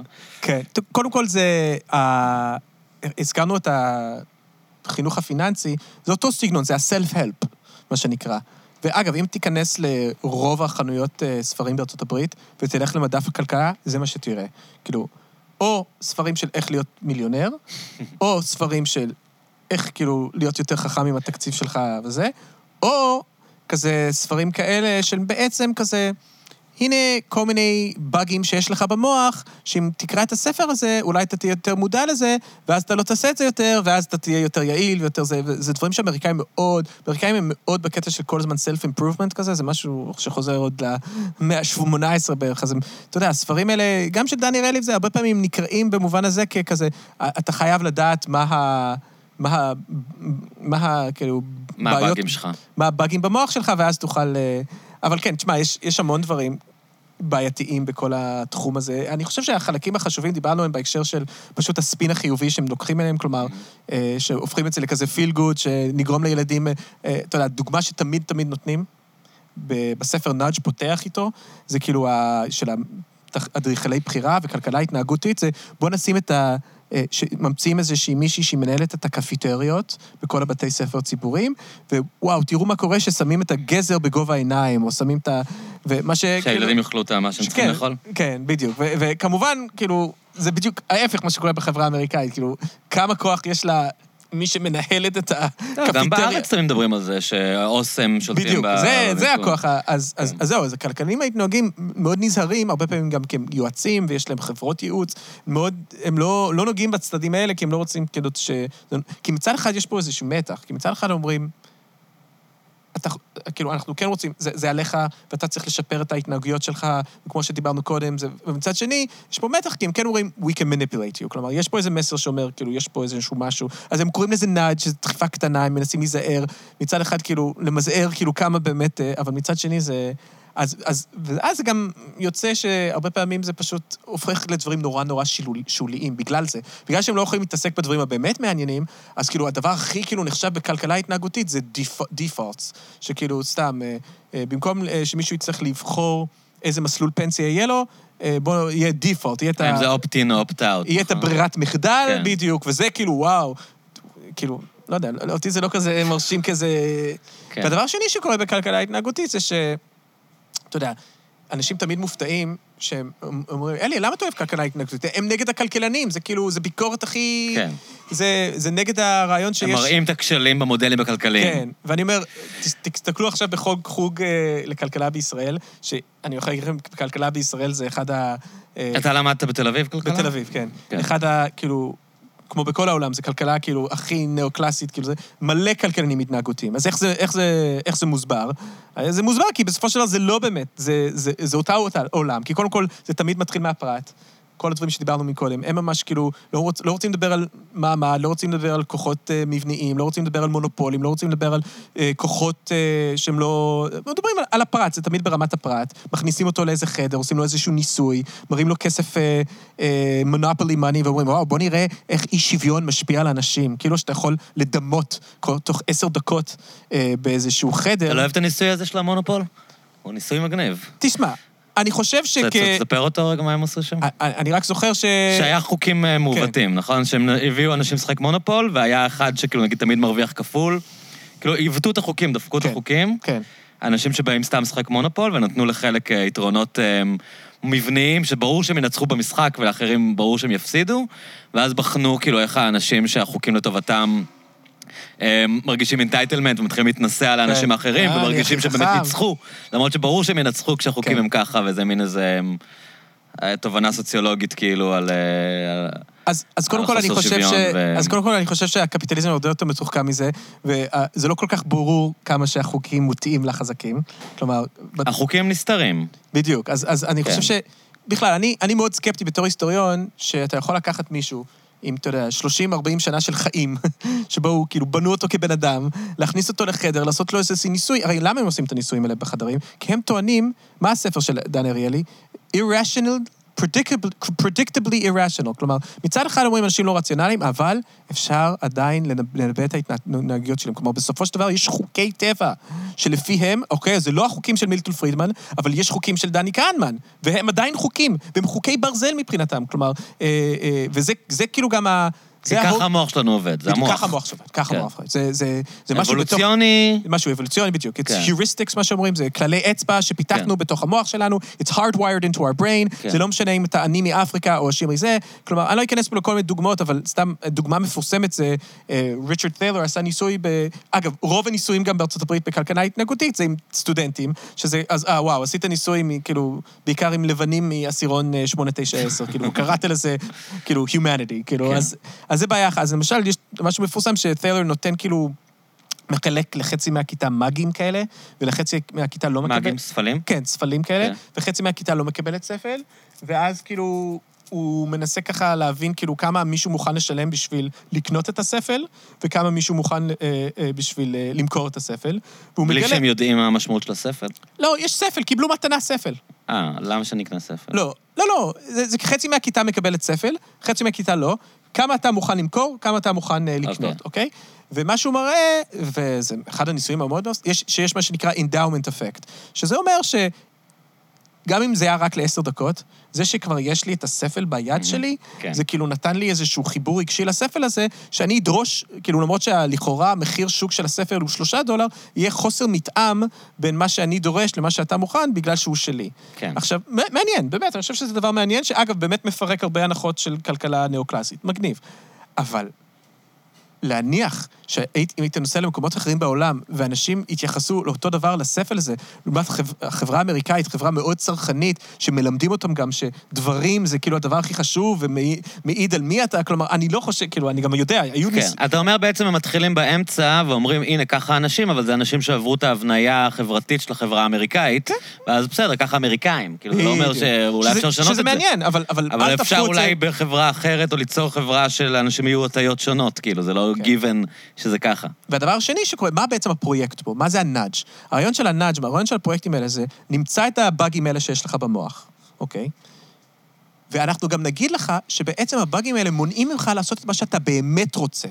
ומה אתה באמת רוצה? שיהיה לי יותר כסף. לא, אתה באמת רוצה להיות אה, שחקן רציונלי כמו המודלים הניאו-קלאסיים. אתה באמת אה, תמיד אה, רוצה... מתאימים אותי. כן. הבנתי, אז הבנתי. אם רק תקשיב... הם מתקנים את הבאג כן. כדי שהמודלים יעבדו.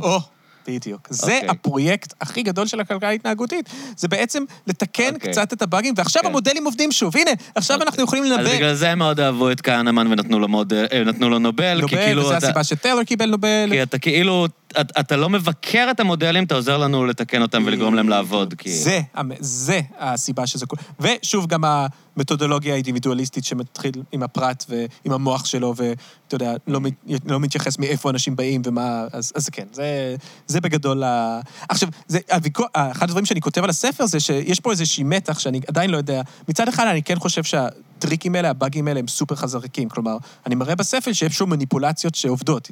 למשל, הדוגמאות עם הסופר שנתנו מקודם. אז מצד אחד יש לזה כוח, מצד שני, יש צד בכלכלה ההתנהגותית, וזה לא רק אני אומר, זה הרבה אנשים אומרים, שזה מריח קצת כמו בולשיט. כלומר, שזה דברים שהם פשוט... אתה יודע, אתה קורא לזה כלכלה התנהגותית, אתה קורא לזה נאג' אני חושב שאנשים אוהבים פסיכולוגיה פשוט. אתה יודע, אני באמת, כאילו ברגע שאתה מדבר עם אנשים על עולמות כאלה, כן. יש להם ישר איזשהו חיבור לזה, כאילו. כאילו אם אתה תדבר איתם עכשיו על, על, על מקרו-כלכלה, הם משתעממים לפני שאתה מתחיל. ברור. אתה מבין, יש איזה משהו בהתנהגות, בכלל במדעי ההתנהגות, כן. בפסיכולוגיה, שאנשים, אתה אני מבין את זה, מדבר אליי אשכרה, מגניב, אתה יודע, אתה מסכים. יודע, הדוגמאות האלה, אתה בא לניתוח, אומרים לך, יש לך אה, 90, אה, 90 אחוז הצלחה, נשמע לך טוב, אומרים לך, יש לך 10 אחוז סיכוי למות, אימא'לה. זה כאילו, זה, כאילו, נכון, זה הדברים כן, ש... כן, כן, ואז לא. כאילו, אנשים כזה, אתה מדבר אליהם, אתה יודע, מה עכשיו תתחיל להסביר על, אה, תדבר איתו על שכר מינימום, כאילו, זה מצחיק איך זה שאתה- משפיע על, כן. כאילו... אגב, קהנמן וזה, הראשונים שהמציאו, קהנמן וטברסקי, הישראלים הראשונים כן. שהמציאו את הכלכלה ההתנהגותית, חזרתי בזמן המחקר שלי עכשיו, והסתכלתי כאילו מה היו הדברים הראשונים שהם עשו, איך הם הוכיחו בעצם את הטענות שלהם. וזה שאלות אמריקאיות, מה זה ספציפיות? מוכוונות. זה כזה, כאילו, קודם כל, בדיוק, זה חוזר לעניין של המוכוון, אבל זה כל כך ספציפי, זה כזה, אני לא זוכר, יש 30 אחוז סיכוי שתקבל 100 דולר, 40 אחוז סיכוי שזה, איזה, זה, והם כאילו מראים שלפי המסגור של השאלה, אנשים הרבה פעמים מקבלים את ההחלטה במרכאות, רציונלית. הלא רציונלית, הלא נכונה, אבל אתה פשוט רואה את זה, את המספרים, הם מה זה מתוחכמים, זה כאילו, אני בטוח הם שאם- דאגו שהניסוי יצליח. בדיוק, אני בטוח שאם תשנה קצת את המספרים האלה, אז פתאום לא יוצא לך את התוצאה האלה, כי... ו... ואגב, יש עם זה... כן, השאלה היא למה אנשים ככה אהבו את התוצאות שלהם. הרי, הרי העניין זה שאנשים אהבו את התוצאות שלהם. לא, אנשים כי- אמרו כאילו, כל- איזה מגניב. כן, קודם כל, אני חושב שהם... אה, זה... זה...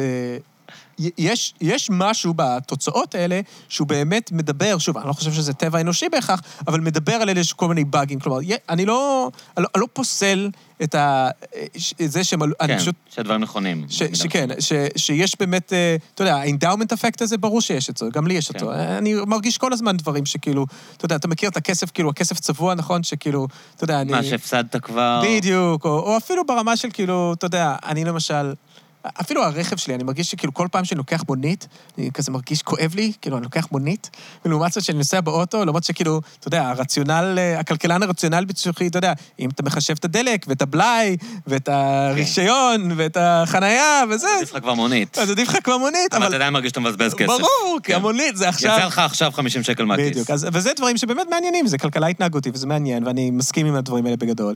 אבל, אה, אבל גם בסופו של דבר אני מרגיש שה...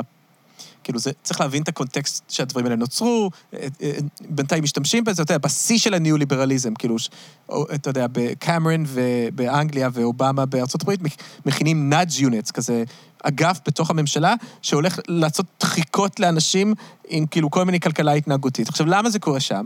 כי זה לא עולה כסף, זה לא מדינת רווחה, זה לא כאילו להשקיע השקעה בחינוך, זה כל מיני גימיקים קטנים כאלה שאתה יודע, זה, וזה מאוד כאילו קוסם ל... זה כאילו פרויקט ניאו-ליברלי פר אקסלנס במובן הזה. כלומר, אתה לא לוקח כסף מהעשירים, אתה לא משנה את היחסי כוחות, אתה רק כזה כן. אה, משנה קצת את התפריט בחירה. ו... מי- מי לא יהיה בעד זה? בדיוק, מי- זה, זה כזה גם פוליטית, בדיוק. פוליטית זה די... אה, כן. אז... אה, אסקריה, כמה זמן יש לנו? כי אני יודע שאתה מוגבל. אה, אוקיי, יש לנו עוד קצת. אני... אני יודע ש... כאילו, אני, אני מאוד תומך בזה שתדבר פחות על פוליטיקה אמריקאית, שככה אה, תתפ... אה, בהתחלה קוראים לך לאולפנים, ודיברת בעיקר לדבר על פוליטיקה אמריקאית, וגם אה, פודקאסט אה, שמתעסק אוקיי, בומר. בפוליטיקה אמריקאית. ובאמת, אה, אה, אני מעודד אותך לדבר יותר על, אה, על, על נושאים אה, כלכליים, כי, כי חסר דוברים טובים, אני חושב, ל- לשמאל, אה, לשמאל הכלכלי בישראל. אין... אנחנו קצת... אה, נשארנו יתומים, כאילו, לא ברור לגמרי מי ה-go-to ל- ל- להביע את העמדות האלה היום, כאילו, ממש נכון. יש אה, כל מיני גות ויינים מפעם כאלה, אבל הם קצת, אני מרגיש שהם קצת רחוקים היום מה, מהמיינסטרים ומהשיח כדי להביע דעות אה, שיהיו רלוונטיות להרבה אנשים. אז אני, אני מאוד ב, בעד אה, המהלך הזה, וגם באמת רוב השיחה שלנו הוקדשה לזה. כן, זה גם, אה, זה גם כן. משהו ש... זה ממש, זה מעניין כן. מה שאתה אומר, זה כי זה... אני הרגשתי בעידן של טראמפ, שהרבה מהפעמים שהם הזמינו אותי לאולפן, אני, לא היה שום ערך מוסף. כאילו, הייתי יכול להביא עוד כל, אנשים יכלו להגיד את זה. כל ליברל, אה, אתה יודע, יכל עם, להסביר עם למה רבע טראמפ- לב היה יכול להסביר לך למה הטראמפ הזה הוא פאקד אפ. זה הרבה יותר. קשה להסביר, כאילו, למה אנחנו לא צריכים... אה, שחוק האקלים של ביידן עכשיו היה בעיקר אה, מתנה לאילן מאסק, ושכאילו... אז אני רוצה בזמן שיש לנו קצת באמת לשמוע מה, מה, ממך, מה אתה חושב, כאילו, זה, זה, היה, זה אמורות להיות שתי שיחות שונות, אבל יש לנו קצת זמן, אז אולי את כן, הדברים כן. הכי חשובים, כי באמת לא דיברנו שנתיים, או שלוש כמעט, הרבה זמן. מלא זמן. אמ, אה, קצת איך אתה רואה את הממשל של ביידן כרגע? כי הם התחילו בהבטחה גדולה, אפילו אתה פרגנת, בטח. אה, לא הצליחו להעביר את ה-build back better הזה. אמ, עכשיו הם כן העבירו איזה משהו שחלק רואים אותו טוב, אבל באגפים היותר רדיקליים של השמאל אומרים שבעצם, באמת, כמו שהתחלת להגיד, שזה... ד- דאגו שאף אחד לא יתנגד לזה, ושגם לחברות האנרגיה יהיה הזדמנויות טובות בתוך העניין הזה.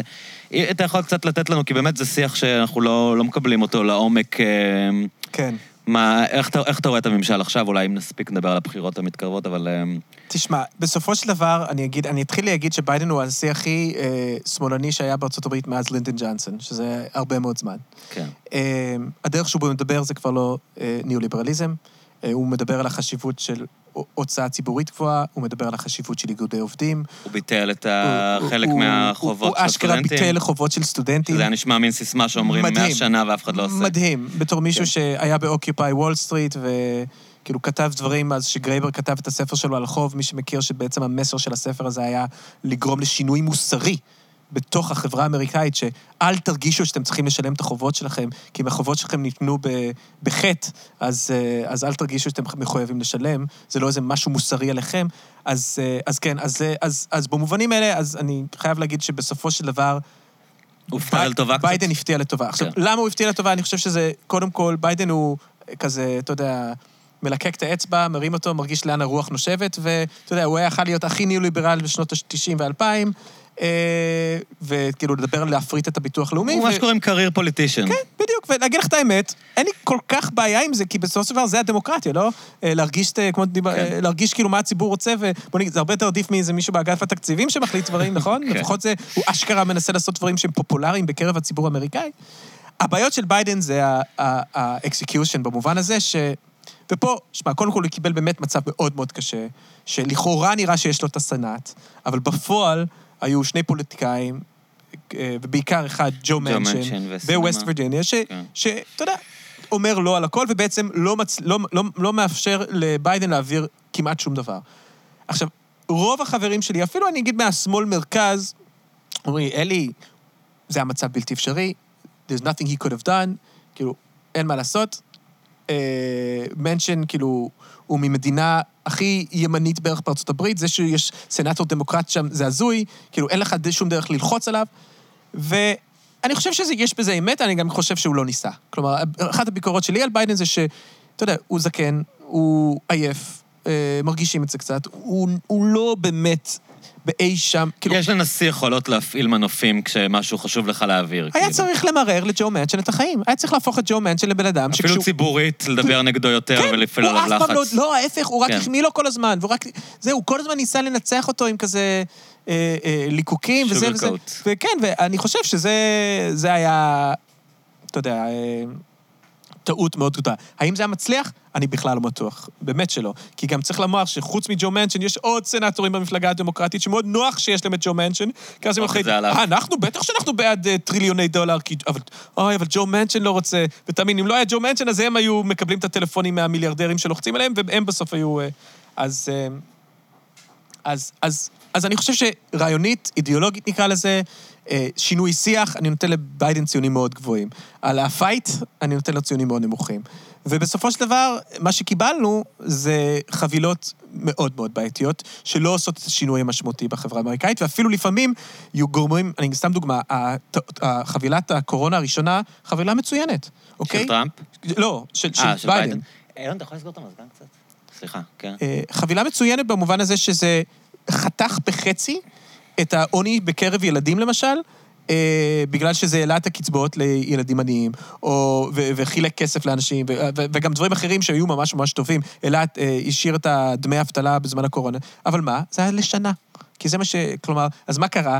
בערך לפני אה, חצי שנה, כל הכסף הזה נגמר, כל הקצבאות. אז עכשיו אנשים טעמו למשך שנה, אנשים עניים, את הטעם, כאילו, המתוק של איזשהו, אתה יודע, חיים אחרים, ועכשיו הם חזרו להיות, שזה כמובן יותר כואב. כן. כל כלכלן התנהגותי יגיד לך את זה. אז, אז זה טעות, למשל. החבילה עכשיו שהוא העביר, יש שם קטע נורא יפה, שסוף סוף המדינה האמריקאית ייכנס למשא ומתן עם חברות התרופות, להוריד את המחירים של התרופות. אחד הדברים הכי חשובים שצריך לעשות, מה שקורה בארצות הברית זה פשוט מזעזע, אנשים עושים go fund me בשביל לקבל את האינסולין שלהם, ואנשים אשכרה מתים. אה, אבל, מתי זה נכנס? ב-2026. כאילו, מה זה 2026? זה ייכנס? כן, בכלל? אפשר להפוך את זה עד אז. כאילו, וגם פוליטית זה מטומטם. אתה, יש לך בחירות אמצע עכשיו. למה בעצם? אה, אתה יודע, זה, זה תמיד כזה נכנס לכל ה... אבל אני חושב שהחושים הפוליטיים פה לא מספיק מחודדים להגיד, מישהו דופק על השולחן, להגיד, לא, זה יהיה עכשיו, או... או, אה, או ואז, נגיד, האקלים. עכשיו, עוד דבר שמעצבן אותי זה, השיח נהיה כזה, קצת שבטי כזה, כמו ספורט כזה בארצות הברית. האם הוא ניצח, אם הוא לא. ובארצות הברית יש קטע כזה שאם הצלחת להעביר חוק, לא משנה מה החוק, ניצחת. כאילו זהו, ניצחת במשחק, לא משנה מה החוק. ואם תסתכלו מה יש בתוכנית אקלים, אז ה-Build Back Better, מה שהיה אמור להיות בהתחלה, זה היה תוכנית, אתה יודע, New, New Deal uh, ב', השקעה מסיבית. אה, גם בחינוך, וגם באנשים עניים, וגם תשתיות. בתשתיות, וגם באקלים, ובאנרגיה ירוקה, ו- ודברים באמת מעולים, מעולים, מעולים. ומה נשאר מזה? בעיקר סובסידיות לחברות אה, אה, אה, שמוכרות אה, אה, מכוניות חשמליות, כאילו המון סובסידיות, אין מיסים בכלל, אין מה בכלל לדבר על העניין של מיסוי. הכל זה גזר, אין אף, אין? אף מקל. מה? למכוניות חשמליות? כן, בגלל זה כאילו אמרתי... המטרה היא להעביר את כל אמריקה למכוניות כן, שזה מגניב, אבל אה, אתה יודע, קודם כל, אני חושב שיש המון בעיות בארצות הברית אה, בכל המרחב הציבורי שהוא קשור לעניין של מכוניות שלא קשור לזה שהם מונעים מדלק. וגם אם לכולם יהיה טסלה, ולא לכולם יהיה טסלה, הרי רק לעשירים יהיה טסלה, אז כאילו עדיין יש המון בעיות ב... אבל, אבל כן, זה כאילו, זה החלק שכאילו הוא ניצח בו, וזה בעייתי בעיניי, זה לא, זה לא יביא מצביעים, כאילו. אה, אבל אני חייב להגיד לך שלמרות כל זה, המצב של ביידן נראה ממש טוב עכשיו מסיבה אחת עיקרית, לא, שתי סיבות עיקריות. אחת, שמחירי הדלק יורדים בארצות הברית, בגלל המלחמה, כאילו, שזה תמיד קובע את גורלו של כל נשיא אמריקאי. למה הם יורדים בעצם? אני חושב שזה קשור, כ- כמה הם דברים. עלו בגלל המלחמה. כן, עלו בגלל המלחמה, זינקו. כשאני עזבתי את ארצות כן. הברית, ארצות הברית הייתה במחירי דלק הכי גבוהים בהיסטוריה, זה היה איזה 7 דולר לגלון, שהאמריקאים שזה. תמיד משפיע על הבחירות שם. וואו, נכון? מחירי הדלק משהו- זה כאילו זה ה... כן, קודם כל יש משהו פסיכולוגי שאמריקאים רואים את המחיר הזה, כאילו כל יום בכביש, וזה גם אמריקאים נוהגים הרבה גם, וזה כאילו משפיע באמת על הכיס שלך, וזה, אין, אין, זה משהו שאתה פשוט, אתה יודע, תשאל את אה, ג'ימי קרטר כן. איך זה אה, להיות נשיא בזמן שמחירי דלק גבוהים, אבל... אה, אז, אז מחירי דלק התחילו לרדת. אגב, אחת הסיבות שמחירי דלק התחילו לרדת, שזה מעניין, בגלל הברית נכנסת, מתחילה למכור במצבור האסטרטגי שלה, יש הברית איזה. מצבור נפט, עתודות נפט שמצליחים, וגם מסיבות אחרות, לחץ בעיקר על יצרני נפט אחרים, וגם דברים אחרים, אבל, אה, אמ, אבל הסיבה השנייה זה העניין עם ההפלות. העניין עם ההפלות טרף את כל הקלפים. הרפובליקאים עשו פה טעות פוליטית, כאילו, אתה יודע, עזוב את הקטע המזעזע שהם פאקינג הפכו את זה לזה שאישה לא יכולה אה, לעשות הפלה היום בארצות הברית, בחצי מהמדינות בערך. ואם תסתכל על המפה, זה לא בדיוק... אה, שרוב האמריקאים שגרים בדרום, תצטרכו לנסוע בערך חצי ארצות הברית כי לשיקגו. גם המדינות לידן עשו. כן, כי גם למדינות לידם אסור, אז זה כאילו באמת חוק... ואני חושב שהרפובליקאים, תמיד, תמיד אמרו את זה בצחוק, שהרפובליקאים לא באמת רוצים אה, לבטל את העבדות, כי, את העבדות, לבטל את ההפלות, כי אז, אז לא יהיה להם על מה לרוץ, כאילו, אז ת, תמיד אתה חייב את העניין הזה. ואז הם אשכרה fucking עשו את זה, וזה פשוט בומרנג. אני הרבה שנים לא ראיתי פשוט החלטה אחת של בית משפט העליון, או בכלל אירוע פוליטי אחד, שכל כך משנה את הסקרים ואת כאילו את ה... אתה יודע, בישראל סקר אחרי סקר כבר חמש שנים, שום דבר, לא משנה מה, קורונה. מלחמות, הכל אותו. 60, ופה- 59, כן, 65. ופה זה פשוט מדהים, כאילו, אתה יודע, לפני חודשיים, לפני דאבס, ככה נקרא להחלטה, כן. היה נראה שביידן הולך לקבל בראש בבחירות אמצע, יאבדו גם את הסנאט, גם את הקונגרס. עכשיו, עכשיו הסנאט כנראה, לא, כנראה שהם ינצחו בסנאט. ביידן, אחוזי התמיכה שלו עולים. אה, ו... ונראה מה יהיה בבית, אז כאילו, אז זה מעניין ש... אז, אז מצד אחד אני אומר, המצב עד עכשיו בוא נגיד, הביצועים של ביידן הם די בינוניים אה, במובנים אה, שיכול להביא מצביעים. מצד שני, קרו דברים אה, מהצד הרפובליקני שממש ירו לעצמם ברגל. ויש את טראמפ כמובן, שזה בכלל אה, סיפור בפני עצמו. טראמפ בעצם, מה שקורה היום בארצות הברית בהרבה אה, מרוצים, יש את הפריימריז, ויש כאילו את ה... רפובליקאי, הממלכתי, למראית פעם. שאתה יודע, אני אומר ממלכתי במרכאות, כי כן, מה, הוא כבר לא. הוא לא אוונגליסט אה, שאתה יודע, רוצה ש... הוא לא מאמין בקיואנון. כן, הוא פשוט לא פסיכופת כן. לגמרי כמו... אז כאילו, יש את הרפובליקאי, במרכאות, הממלכתי, ויש כאילו את הטראמפיסט, ואז טראמפ כזה עדיין שולט לחלוטין במפלגה הרפובליקאית, אפילו בטוויטר, מוציא איזו הודעה, אני תומך בטראמפיסט ההזוי הזה, שמאמין שמאחורי פיצה האט יש אה, רשת של פדופילים שהילרי קלינטון מנהלת, ואז הוא מנצח בזה, ואז אתה מגיע למרוץ נגד איזה אה, מועמד אה, ממסדי של הדמוקרטים, ואתה רואה את הסקרים, ומה לעשות, אה, הוא לא כזה אטרקטיבי. אה, הוא לא כזה אטרק. אז זה גם קורה. אה, ש... שאגב, צריך גם לומר שבפריימריז אנחנו לא רואים את הפרוגרסיבים מנצחים. אה, שזה קשור גם ל... שנעצר המומנטום, כאילו שהרגיש שהתחיל ב... מצד אחד נעצר המומנטום, כי, אתה יודע, הם כאילו, זה שביידן שינה את השיח שלו, זה הרבה בזכות אה, זה. והרבה אנשים שכאילו נמצאים בתוך הממשל האמריקאי, הם אנשים שבאמת אה, צמחו מאיזשהו שינוי. אולי זה לא אנשים של ברני סנדרס, אבל זה בהחלט אנשים של אליזבת וורן, למשל. ביטול החובות זה דוגמה מצוינת. מי שבסופו של דבר לחץ על ביידן ושכנע אותו לעשות את זה, ללא ספק זה אנשים מהאגף, כאילו, השמאל. אז במובן הזה, יש ניצחונות משמעותיים. אתה יודע, אולי זה תמיד מה שקורה. ל... אם אתה באמת מנצח, זה קצת מה שדיברנו על ביבי והחוק חינוך אפס. אתה רואה את זה במדיניות, לא בהכרח ב... אבל כן, אה, בפריימריז אני לא רואה... יש, יש דמות יש גם אחת, אכזבה, אבל מהפרוגרסיבים שכן נכנסו, לא? יש להם אכזבה, אין ספק. יש הרגשה שכאילו ש-AOC... הצליחו, נלחמו בשביל אנשים מסוימים, והם בסוף אה, ממסדיים, ואתה לא מרגיש שהאנשים כן. האלה כאילו... כן, AOC קיבלה החלטה בעצם טקטית, או אולי בעצם אסטרטגית, לפני הרבה שנים שהיא תהיה חלק מהמפלגה הדמוקרטית. ברני תמיד היה אינדפנדנט, אז אולי זה היה טעות. הוא רק רץ כ... אה, בפריימריז, אבל הוא תמיד כזה הציג את עצמו, וזה היה קלף מאוד חזק שלו. אה, אני כן אגיד בן אדם אחד שצריך לשים עליו את האצבע, למי שמתעניין בפוליטיקה האמריקאית, המרוץ אה, לסנאט בפנסילבניה, אה, מדינה שגדלתי בה, זה אחד, ג'ון פדרמן, שהוא כאילו. הדור הבא של ככה השמאל הכלכלי בארצות הברית, בחור מאוד גבוה, תמיד הולך עם הודי וכזה כפכפים ומכנסיים קצרים, אה, כזה מדבר בגובה העיניים, רקע, אני לא טועה, מעמד אה, פועלים, אה, והוא כרגע ממש אה, גם, גם ניצח מאוד יפה בפריימריז, מועמד אה, אה, הממסד נקרא לזה, אה, מועמד אה, ש, בעיקר שרצה, אה, נתמך על ידי העשירים במפלגה הדמוקרטית, ו, ועכשיו גם מול הרפובליקאים נראה שהוא הולך לנצח, ואני לא אתפלא אם זה השם שאנחנו נשמע בשנים הבאות כאיזשהו... בתור היורש של סנדרס, כן, נגיד? כן, כן. סגנון שונה? לגמרי, צריך לומר.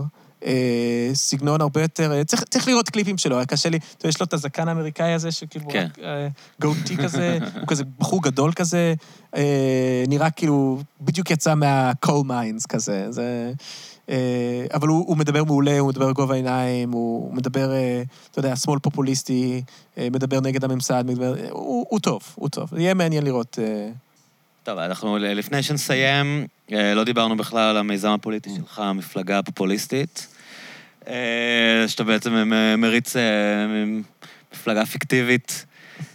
כרגע פיקטיבית. בינתיים פיקטיבית. מה... אתה, אתה עוקב אחרי פוליטיקה ישראלית? היא מעניינת אותך מעבר לדברים ה... ברמה המפלגתית, כאילו... אה, אתה יודע, אני עוקב כמו, נראה לי, זה התחיל, המפלגה הפופוליסטית כמובן התחיל כבדיחה, שתמיד אה, בישראל, שמישהו מציע איזשהו משהו שהוא אשכרה פופולרי בקרב אה, אנשים, כמו, אתה יודע, חינוך מגיל אפס, או... פופוליסט. להלאים את הגל, פופוליסט, מה זה הפופוליזם הזה? ויש איזה רעיון עכשיו, ממש מעוות בעיניי, זה חוזר גם לדיון שלנו על אגף התקציבים, שכאילו, אם העם רוצה משהו, אז כנראה שזה רע, ואסור לתת להם את זה. כלומר, יש איזשהו משהו אליטיסטי ואנטי-דמוקרטי כל כך עמוק בממסד הישראלי, שזה פשוט מדהים שהמילה פופוליזם אה, הפך למילת גנאי. עכשיו, לא רק גם... בארץ. לא רק בארץ, לא. עכשיו, אני חייב להגיד גם... שאגב, לא. פופוליזם התחיל כרעיון שמאלי, כאילו. זהו, אז קודם כל, שנים זה קיבל בדיוק. טוויסט של פופוליזם, זה כאילו מין משהו של אורבן הוא פופוליסט, טראמפ הוא פופוליסט, אבל פופוליזם זה היה תנועת שמאל ב... אז אני כן בחצי רוצה- הראשון של המאה ה-20. כן, אז קודם כל, שני דברים. אני רוצה להגיד רק, הדרך שבו ישראלים משתמשים בזה כפופוליזם, כ, אה, במובן שאיך שהשתמשתי עכשיו, אני חושב שזה כן ייחודי. ייחודי ל... בדרך כלל כששומעים את המילה פופוליזם באירופה, זה, זה נגד ספציפית נגד מהגרים, כן. ספציפית סוג של גזענות, סוג כן. של לאומנות. אה, ברור שגם איזשהו שיח אליטיסט, אה, אנטי-אליטיסטי, כן. אה, נגד מרי איזשהו... לפן או... בדיוק, אבל כן. זה לא, זה לא חינוך חינם גיל אפס, זה פופוליסטי. כלומר, ישראלים במובן הזה, לדעתי הם כן חריגים, אה, ולכן כאילו, אתה יודע, אה, אה, כשהתחלתי את הבדיחה הזאת, את הטרלה הזאת כזה, אז זה כאילו, וזה, אני ראיתי מלא, מלא אנשים, כאילו, אני עכשיו ממש פעם ראשונה שחזרתי מתל אביב, וישבתי בחוץ שם, אה, אה, באיזה בר, אה, איך קוראים לזה, בכיכר גבעון שם, מאחורי המגדלים. כן. איזה בחור בא אליי, הוא אמר לי, היי, אני מכיר אותך, אתה, אני אצביע לך, כאילו. כאילו, זה קורה לי לא מעט, כאילו, הבנתי שגם יש פה איזה משהו, אנשים שזה נוגע להם, כל הנושאים האלה, ואתה יודע, זה גם, אתה יודע, בסופו של דבר להציע לאנשים שאתה תדפיס מלא כסף ולחלק להם אותו, זה, זה דבר שכאילו, אתה יודע, זה חצי צחוק הדברים האלה, אבל באמת אה, מדיניות שאפשר לעשות אותה, כלומר, יש מלא כסף שלא מוציאים בישראל, וזה אחת הבעיות שהכי קשות פה, וגם מתקשר לכל מיני דברים אחרים.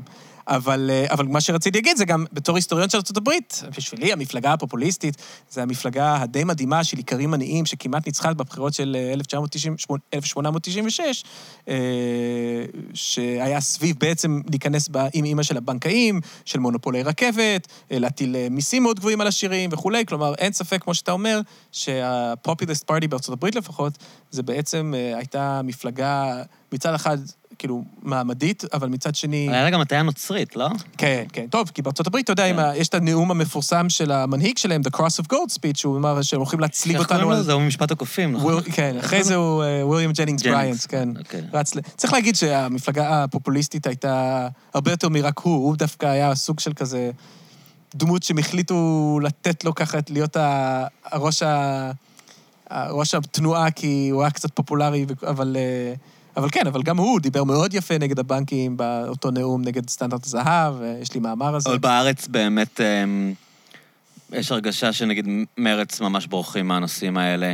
אני מאוד הופתעתי, נגיד, רק ממש בדיעבד, אני כתבתי בטוויטר, למה מרץ, איפה הם במאבק המורים, כאילו. כן, נכון. ואז כאילו מישהו שלח לי שזהבה גלאון כן כתבה על זה, כאילו שהיא בעד המורים, אבל זה, הם כל כך מצניעים את זה בשיח, בדיוק. כאילו, זה כל כך זה כאילו... בדיוק מה שהם יש רוצים. להם מין תחושה שכאילו המצביעים שלהם לא באמת בשמאל הכלכלי, כי זה זה נכון. מעמד בינוני גבוה, אז הם מעדיפים כל הזמן לדבר על בן גביר, בן גביר, בן גביר, בן גביר, ואמסלם ומירי רגב. אבל כאילו אף אחד מהם לא... העבודה עכשיו אולי קצת מנסים כאילו להרים דגל יותר חברתי, אבל באמת ההרגשה שכאילו השמאל הישראלי בורח מהדברים האלה תשמע, אני חושב ש... קטגורית כאילו לאורך שנים. כן, אז- כן. אני, אני מאוד מרוצה ממה שאני רואה בגדול, ממפ- כאילו... אה, מפלגת העבודה? אה, כן, הנ- הניצחון של נעלה לזימי כן. בפריימריז, לדעתי זה רגע מאוד חשוב, של באמת... כן. אה, ברור שהיינו פה בסרט הזה כבר בעבר, והיה את שלי יחימוביץ, זה לא פעם ראשונה, אבל אני חושב שכאילו, יש פה איזשהו תהליך שהיה צריך לקרות, שמרץ חוזר להיות, לצערי, המפלגה נגד הכיבוש, אבל... שזה וזכויות לצערי... אזרח, כאילו. וזכויות אזרח, ולא, גם אה, מה שאומר לצערי זה שזה שההתנגדות לכיבוש הפכה להיות לעמדה אליטיסטית, כאילו, רק מי שיכול... להרשות זה נכון, לעצמו. מי שיכול להרשות לעצמו, מישהו שסוגר את החודש, קנה לעצמו דירה, רק הוא יכול בעצם עכשיו לדאוג אה, שזה נורא, אבל... אה, אבל... אה, וזה זה תמיד גם המסר נגד הכיבוש, צריך תמיד חייב להיות איך זה... מה לעשות, פוליטית צריך תמיד כאילו לדבר על איך זה פוגע בנו, כלומר, איך זה מזיק לנו. אברהם לינקולן לא ניצח את הבחירות של 1860, כי הוא אמר שהשחורים מסכנים, הוא אמר שהעבדות דופק אתכם, הלבנים, וגורם לאוליגרכיה קטנה לשלוט בארצות הברית, וזה מה שצריך לעשות גם פה, אבל... אה, ו- וצריך לדבר יותר פוליטית על הסכנה של המתנחלים מאשר על הסבל של הערבים, שזה נורא להגיד את זה, פשוט נורא שאני אומר את המשפט הזה. אבל פוליטית, אם אני שם את הכובע הריאל פוליטיק שלי, זה, זה מה שכרגע צריך לעשות. אה, ומצד שני, כן, אתה צודק ש... אה, אפילו מפלגת העבודה, יש לה בעיה שבסופו של דבר הבייס האלקטורלי שלה הוא גם... אולי הוא עובר שינויים עכשיו, אולי באמת אנחנו נוכל... אני תמיד אומר, אה, צריך, אתה יודע, יש את אה, עשירון 4, 5, 6, שלדעתי לליכוד יש די מונופול עליו, וחייבים, אה, אתה יודע, חייבים להתחיל... אה, אני ערכתי פה את דוקטור מוטי גיגי, כן. שיחה כן. מאוד מומלצת, אגב, למי שלא הקשיב, והוא אמר ש... שעמיר פרץ בפעם הראשונה כן הצליח להביא משם הרבה כן, זה מצביעים. מה שתמיד שזה אומרים. משהו שאני אומר הוא הצליח להביא משם הרבה מצביעים. 2006, 2006, כן, כן. הוא היה חלש כי דווקא הצפונים נטשו אותו, זה נכון. ו- והלכו לקדימה, אבל כאילו תיאורטית הוא כן הצליח להבקיע את זה ב- בלפנות ל... מה שהיה פעם עיירות פיתוח, או, ב, ולפריפריה עם שיח חברתי. כאילו, זה כן, זה כן משהו לא, שאפשר אה, תשמע, להבקיע אותו. אני כן חושב שזה מה שצריך לעשות. אני כן חושב שזה עבד ב-2006, זה עבד הרבה פחות טוב אחרי זה, 15 שנה אחרי זה. טוב, גם עמיר פרץ היה כבר במצב אחר, כן. הוא היה איש מבוגר יותר, זה לא היה... הוא גם לא איבד מהאמינות שלו, אתה כן, יודע. כן, כן. הוא לא היה בן אדם כן. לרגע הפוליטי הזה, ואני כן מאמין שעדיין צריך לעשות את זה. האתגר כמובן יהיה איך אתה משאיר אה, עדיין את ה... אבל לדעתי גם אפשר, כלומר, משהו כמו חינוך... חינם, או משהו כמו אה, להלאים את הגז, זה דברים שצריכים להיות פופולריים גם בקבר השיר, אה, כאילו, גם העשיריות, אה, כאילו, או כל מה שקשור לנדל"ן, כאילו, באמת, אלא אם כן יש לך ארבע או חמש דירות, כאילו, גם אם יש לך דירה להשקעה, אני, כאילו, אם יש לך שלושה, שלושה ילדים, אז אפילו, האם אתה באמת רוצה שמחירי הנדל"ן יעלו בטירוף? כלומר, בסופו של דבר תצטרך לעזור לילדים שלך לקנות שלוש דירות, וכאילו, איך תעשה את זה? יש לך דירה? אולי שניים? כלומר, בסופו של דבר אני חושב שיש אינטרסים יותר רחבים לדיור ציבורי פה, וצריך לבנות את הקשרים האלה, אבל זה לא פשוט. כאילו, באמת צריך גם לעבוד חכם פוליטית, לחשוב מהם המסרים, לא להיות טהרנים בקטע הזה, לא לרוץ לכל נושא שהוא כאילו זה, ולחשוב מהם באמת הדברים שאנשים, ש... מצד אחד, ש- שוב, זה הריאל פוליטיק שבי, שאתה לא תאבד את, ה, את, המ- את הבייס שלך, נגיד, במפלגת העבודה, אבל תוכל להביא את האנשים, אה, וזה אתגר מאוד גדול. אבל בטח אני חושב שאם מישהו יכול לעשות את זה, זה מישהי כמו נעמה לזימי, שזה, כאילו, זה בדיוק לדעתי העתיד של ה- השמאל. וכן, ובמרצ זה באמת, אה, זה די מו- מובהק, שכאילו... ה- מה היה- שאני, מה שאני מאוד אוהב בנעמה, גם אותה אגב ערכתי בפודקאסט ואני ממליץ להקשיב, זה שהיא היא יוצאת באמת מהעניין המעמדי הזה. עצם זה שהיא כאילו... היא- נגיד אין לה שום סנטימנט אנטי-חרדי. אתה יודע, נכון. שזה משהו שכאילו כל כך זיין את השמאל לאורך שנים, העניין הזה של כאילו... להיות נגד, להיות נגד החרדים, כי זה מהדהד... הטעות הפוליטית הכי גדולה זה שעשו. מהדהד גם, אתה רואה את זה עכשיו, שאי אפשר להקים ממשלה אף פעם, ו, וגם זה מין סנטימנט האנטי-דתי הזה, הוא משפיע על כל, על, על חלקים מאוד רחבים מהאוכלוסייה שהם גם לא חרדים. ברגע שמפלגה היא כאילו ממתגת עצמה כנגד החרדים, היא כבר נגד היהדות, ואתה יודע, וזה משפיע גם על הפריפריה, כאילו היה, מין איזה דבר כזה שהם לא משחררים אותו, אתה יודע, גם ה... עכשיו ראיתי את הדיבור הזה על האובססיה הזאת. עוד פעם, זה לא שאני לא בעד, אני בעד, אבל האם הרכבת הקלה תיסע בשבת או לא? כאילו, יש קווים, יש קווים אה, של אוטובוסים בשבתות כבר, אתה יודע, אה, חינמים כן, כאלה, אם זה נעים חינם, בסופש. כן. הרכבות האלה הן אמורות למנוע פקקים, הן אמורות להתמודד עם הפקקים. כאילו, זה שיהיה את הקו הזה מפתח תקווה לתל אביב ביום שבת, זה, זה עדיף שיהיה משהו שלא יהיה, אבל לשים כאילו את הז'יטונים שלך על זה, בתור הדבר החשוב, כשיש כל כך הרבה דברים אחרים שאתה יכול לדבר איתם על האנשים, זה נראה לי כאילו ממש פספוס של ה... כן, זה מעניין. תגיד, אתה חושב גם אותו דבר, כי אני, אני חושב גם צריך להבדיל בין כאילו האנטי-חרדים נקרא לזה, לבין, אה, כאילו, זה אולי קשה, אבל כאילו, אני כן חושב בתור אמריקאי שכאילו, גלעד קריב זה מישהו שאני מאוד מעריך, ואני כן. חושב שהיהדות רפורמית היא צריכה להיות הרבה יותר חזקה פה, וצריך אה, לפרק את המונופול, נקרא לזה, כן. אה, אם נדבר שנייה אה, בשפה גיא רולניקית, של, אה, של האורתודוקסים פה. אז כאילו, אה, אני חושב שגם, אבל אפשר לעשות את זה, ועדיין לא לאבד את האנשים האלה מבחינה כאילו כלכלית, מעמדית, כאילו, להפוך את זה לעניין פוליטי, כאילו, ספציפי לזה, ולא, אתה יודע, באמת, כמו שאתה אומר, שזה כבר נהיה הזהות שלך, שכאילו, אה, ואז כאילו, אתה אף פעם לא יכול, ש"ס אף פעם לא יכולים אה, לעזוב את ביבי, כאילו, זה פשוט לא יקרה, אה, וגם זה דוחף אותם להיות יותר ויותר ימנים, כאילו... לא, זה ממש היסטורי, אתה אה, יודע, זה עוד מאז הרב שך והנאום שלו, כאילו, הרי כל החרדים היו שמאלנים ברור. מדינית. ואתה יודע, גם ש"ס התחילו בתור מפלגה, כן. הרי עובדיה יוסף אמר שאפשר להחזיר שטחים, והרב אהה. שך, כשהוא עשה את הנאום ההיסטורי שלו של השפנים והחזירים, הוא אמר כאילו, אנחנו לא מיליטריסטים, ואין לנו עניין בכיבוש, ואין לנו עניין בכל הדברים האלה, ואנחנו לא יכולים להיות עם, ה... עם אלה ששונאים את היהדות, כאילו. וההתעקשות הזאת, כאילו, אתה יודע, כאילו, choose your battles, אתה מבין? אפילו אם אתה חושב שכפייה דתית זה דבר רע. איפה בחיים שלך אתה באמת מוגבל? אז תחבורה ציבורית בשבת זה דבר חשוב למעמדות נמוכים מאוד, כאילו, זה ממש, אתה יודע, אני, אני חווה את זה, כאילו, לא שאני במעמד נמוך, אבל אני, משת, אני משתמש בתחבורה ציבורית, וזה מאוד מקשה עליי שאין תחבורה ציבורית ב- בסופה, נגיד בין-עירונית. טוב, זה, מה שקורה עכשיו בחיפה כן. זה פשוט ביזיון, זה לא... זה הזיה, זה הזיה. אבל אה, כן, אבל השאלה היא, עוד פעם, יותר חשוב לי לסיים את הכיבוש, יותר חשוב לי כאילו לשנות את המצב החברתי כאן, כאילו, אתה, אתה, אתה, אתה צריך, בסוף זה פוליטיקה, אתה יודע, אתה, זה שכאילו אתה באמת שמת את, את כל החרדים בגוש הימין, כאילו, שהם לא היו ימין, זה דפוק בעיניי נורא. כן. וזה גם מקשה עליהם להגיע ל, לעוד מצביעים, כי לא, כי- יש- כי יש- תופסים אותם כאנטי-יהודים, כאילו. כן, לא, אני מסכים איתך לגמרי, וזה יהיה, ייקח עבודה מאוד קשה אה, אה, לשנות את זה. אה, אבל כן, זה, זה איזושהי תקרה שיצרנו על ה... וגם יש עוד תקרות דומות גם עם המגזרים הערביים מכל מיני סיבות אחרות, אבל זה, שזה ברור שזה גם, כאילו, אין עתיד לשמאל בישראל בלי, בלי המגזר הערבי, למרות שבמובן הזה אני כן חושב ש... כאילו בסופו של... כאילו, אתה יודע, כשאני...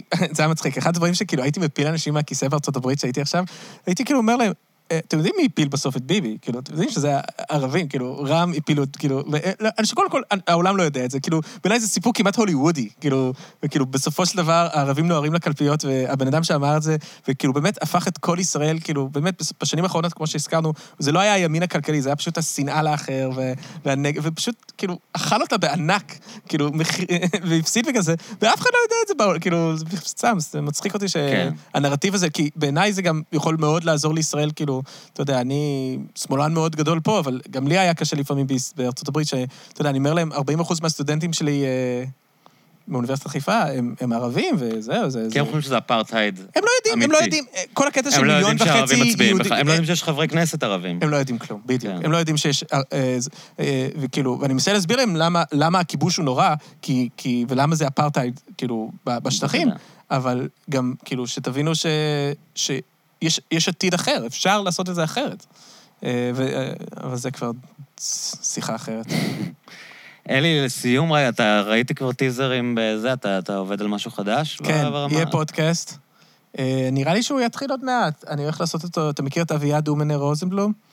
מקווה שאני לא חושף פה דברים שעוד לא נסגרו, אבל נראה לא, לי... זה תכף יקרה, מה? נראה לי שזה קורה. הוא בחור חמוד שמבין הרבה בכלכלה בישראל, הוא עובד בקרן ברל כצנלסון, ורציתי מישהו, כאילו, אני אתן את הצד האמריקאי, אה, והוא ייתן את הצד היותר אה, כלכלי-ישראלי. אגב, זה בדיוק גם מה שחשבנו, מה שאתה אמרת מקודם, שאני לא רוצה להיות יותר המומחה לאמריקה, אני מרגיש, כאילו גם, אבל אני מרגיש שהערך מוסף שלי בישראל יותר חשוב, זה הצד של הכלכלה, ולא דווקא אמריקה. למרות שאני עושה גם וגם. קיצור, נראה לי שנקרא לזה כשל שוק. ופעם בשבוע נדבר על אה, כשלי שוק. מעולה. איך שהקפיטליזם דופק אותנו ומה אפשר לעשות. והספר, יש איזושהי הערכה? וואו, הספר? אתה יודע, חתמתי... קיבלת מקדמה ואתה עוד כותב אותו, כאילו? כן, ש- קיבלתי את המקדמה, ועכשיו אני צריך לכתוב אותו, יש לי שנה וחצי, אז אה, אני צריך להגיש בינואר 24, אז יש עוד זמן. אוקיי. אני גם אה, צריך אה, להחליט על ה... הדבר הכי חשוב בדברים האלה זה תמיד הטייטל. זה... ואני דווקא... אה, כי זה מה שמוכר בסוף? כן. זה והדימוי שיש על הכריכה. למרות שאמרו לי שהדימוי עכשיו פחות חשוב, כי כולם קונים את הספרים באמזון, וממילא אתה... זה כזה... קונים בדיגיטלי גם אגב, ככה. גם אם תשים לב עכשיו, ספרים בארצות הברית, גם יש פה אה, אודיו אתה צריך לעשות. זה- יהיה. אגב, עכשיו יש קטע איזה סלב חדש... שמאלני, זה לא, לא, צ'ון פן. לא, לא, עכשיו יש קטע חדש שמבקשים ממך אה, להקריא את הספר? שלך. אה, טוב, לך אין מבטא, קל לך. כן, למרות שזה אוקיי, קצת מוזר. לי. כאילו, בכל זאת, כן, אבל לא- לפחות אתה לא תהיה ישראלי שמקריא ספר באנגלית. לא, לא, זה- לא כאילו. היו עושים. אוקיי, אוקיי. אה, לא לא היו מסכימים שאתה עושה. לא, לא נראה לי. אוקיי, אוקיי. באתי לעשות את החיקוי שלי של ישראלים באנגלית, אבל נעזוב את זה. תעשה, מעניין אותי. You want me to do my accent in English? קצת. I think it's very easy to נכון? do. It's the R. First, אה, אה, first, first, it's the R. כן, אבל הישראלים עם ה-R הם מודעים אליו, אז הם מנסים לעשות R וזה יוצא להם מצחיק, הרבה פעמים R כזה, אתה יודע שזה, אבל ל-T אין, להם, אין לנו שום מודעות כאילו לאיך איך אומרים T נכון, אנחנו תמיד נופלים ב-to do, אתה יודע, ב-T. איך אתה עושה T? T. T. לא יודע. אבל כן, זה נורא מצחיק ישראלים שחושבים שיש להם מבטא ואין להם, לא, רובנו, כולנו. זה גם, בסופו של דבר זה גם האינטונציות, זה כאילו הדרך שבה בכלל זה... אה, אה, החיתוכי דיבור. you know, uh, you know. you know what we're saying, we tried everything. ואז ההורים שלי, יש We already offered the Arabs everything and they didn't take it. זה הכי קטע של ישראלי. everything, thing. זה, אה, T זה ה-TH כמובן, זה כן. כאילו ישר... אה, ויש גם את ה-W, יש להם איזה קטע מוזר לפעמים, זה ה... יש את האלה שכבר למדו להגיד ווא, אבל יש כאלה שפשוט אומרים כזה... אה, זה מבוגרים רק. ויש קטע הכי מוזר. שמתי לב לזה שחזרתי מארצות הברית, יש- הרווארד, איך שישראלים אומרים, אני שומע הכל, האווארד, האווארד. אה, אה, אה, הווארד, הווארד, זה זה מילה ש... מסתבכים איתה? מאוד מאוד מסתבכים. שדווקא זה לא אמור להיות מסובך. נראה לי בגלל איך שכותבים את זה בעברית, שיש כן, שני ו' אז חושבים שזה ו"ים. W. בדיוק, יותר מדי ו"ים שם, מסבך. אותם, אבל... ואתה בחיפה, אני באוניברסיטת אוניברסיטת חיפה, כן. עכשיו מקימים מרכז חדש לחקר ארצות הברית, אם יהיה לי... שאתה הולך לעמוד בראשו. אני אעמוד בראשו, אבל uh, אמרתי לה, אנחנו צריכים uh, תורם... Uh, מנסה לגייס תורמים? מה? אתה מנסה לגייס תורמים? להגיד לך את האמת, אני לא מנסה, כי, כי זה פשוט לא אני. אבל אני אמרתי לאוניברסיטה ששימו אותי מול חדר של אנשים, תנו לי לדבר, וזה, אבל... אבל זה נשמע שאתה צריך תורמים אמריקאים, לא אם אתה חוקר את אמריקה. כן, אני... שאלה מעניינת, מה ה... אתה יודע, כל העולם הזה של תרומות היום, אני חושב שזה... שאלה מאיפה יכול לבוא הכסף. אני חושב שיש שני מקורות. ישראלים שגרים בארצות הברית שעשו בוכטות של כסף, mm. זה אופציה אחת. חיים סבן. אה, אני דווקא חושב יותר על ההייטקיסטים mm. המתעשרים היותר זה, שאתה יודע, אולי אפילו מתוך ההערצה שלהם לאמריקה, רוצים ש...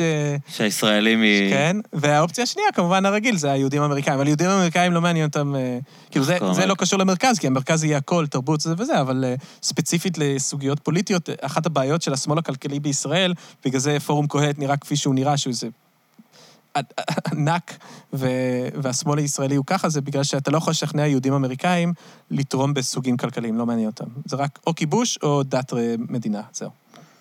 אבל כספים שמגיעים דרך הקרן החדשה, שהם פחות צבועים, ואז הם יכולים לפזר אותם. מתי פעם אחרונה ראית את הקרן החדשה מובילה איזשהו באמת, כאילו, אני מת על החבר'ה שם, ובאמת, אני חושב שרובם, הפוליטיקה הכלכלית שלהם היא הפוליטיקה הנכונה, אבל אני חושב שהם מוגבלים במה שהם יכולים לעשות, בגלל שיש ציפייה שהכסף ילך ללחם בכיבוש, ושוב, מבין את זה, מבין את זה כן. לגמרי. אה, אין ספק ש- in the grand scheme of things, אה, זה העוול הכי גדול שקורה. כן, אם אתה יהודי אמריקאי זה מה שמפריע לך, פחות כן. אכפת לך. זה וזה שיורקים אה, עליך בכותל. כן. אה, אתה מדבר על רפורמים. עכשיו, מה שהיה עכשיו, כן. מה, ירקו על רפורמים? אני לא יודע, לא עקבתי אחרי זה, אבל היה סיפור מאוד גדול ש... כן, חרדים ירקו על זה משפחה אמריקאית בכותל, זה כאילו המשפחה שהכי לא הייתי רוצה לירוק עליהם בכותל, כזה משפחה שהכי מחוברת לכסף האמריקאי. כי הם רפורמים? כן, כן, כן, כן, כי הם רפורמים, בדיוק. טוב, באקורד אופטימי זה, כמו שאומרים. יאללה. אלי, היה ממש כיף, תודה רבה. תמיד, ועכשיו שאתה בארץ, אז נעשה את זה ל... בכיף, בכיף. שלא ייקח כל כך הרבה זמן עד הפעם כן, אה? הבאה. ביי, אמן, בהצלחה עם הכל, להתראות.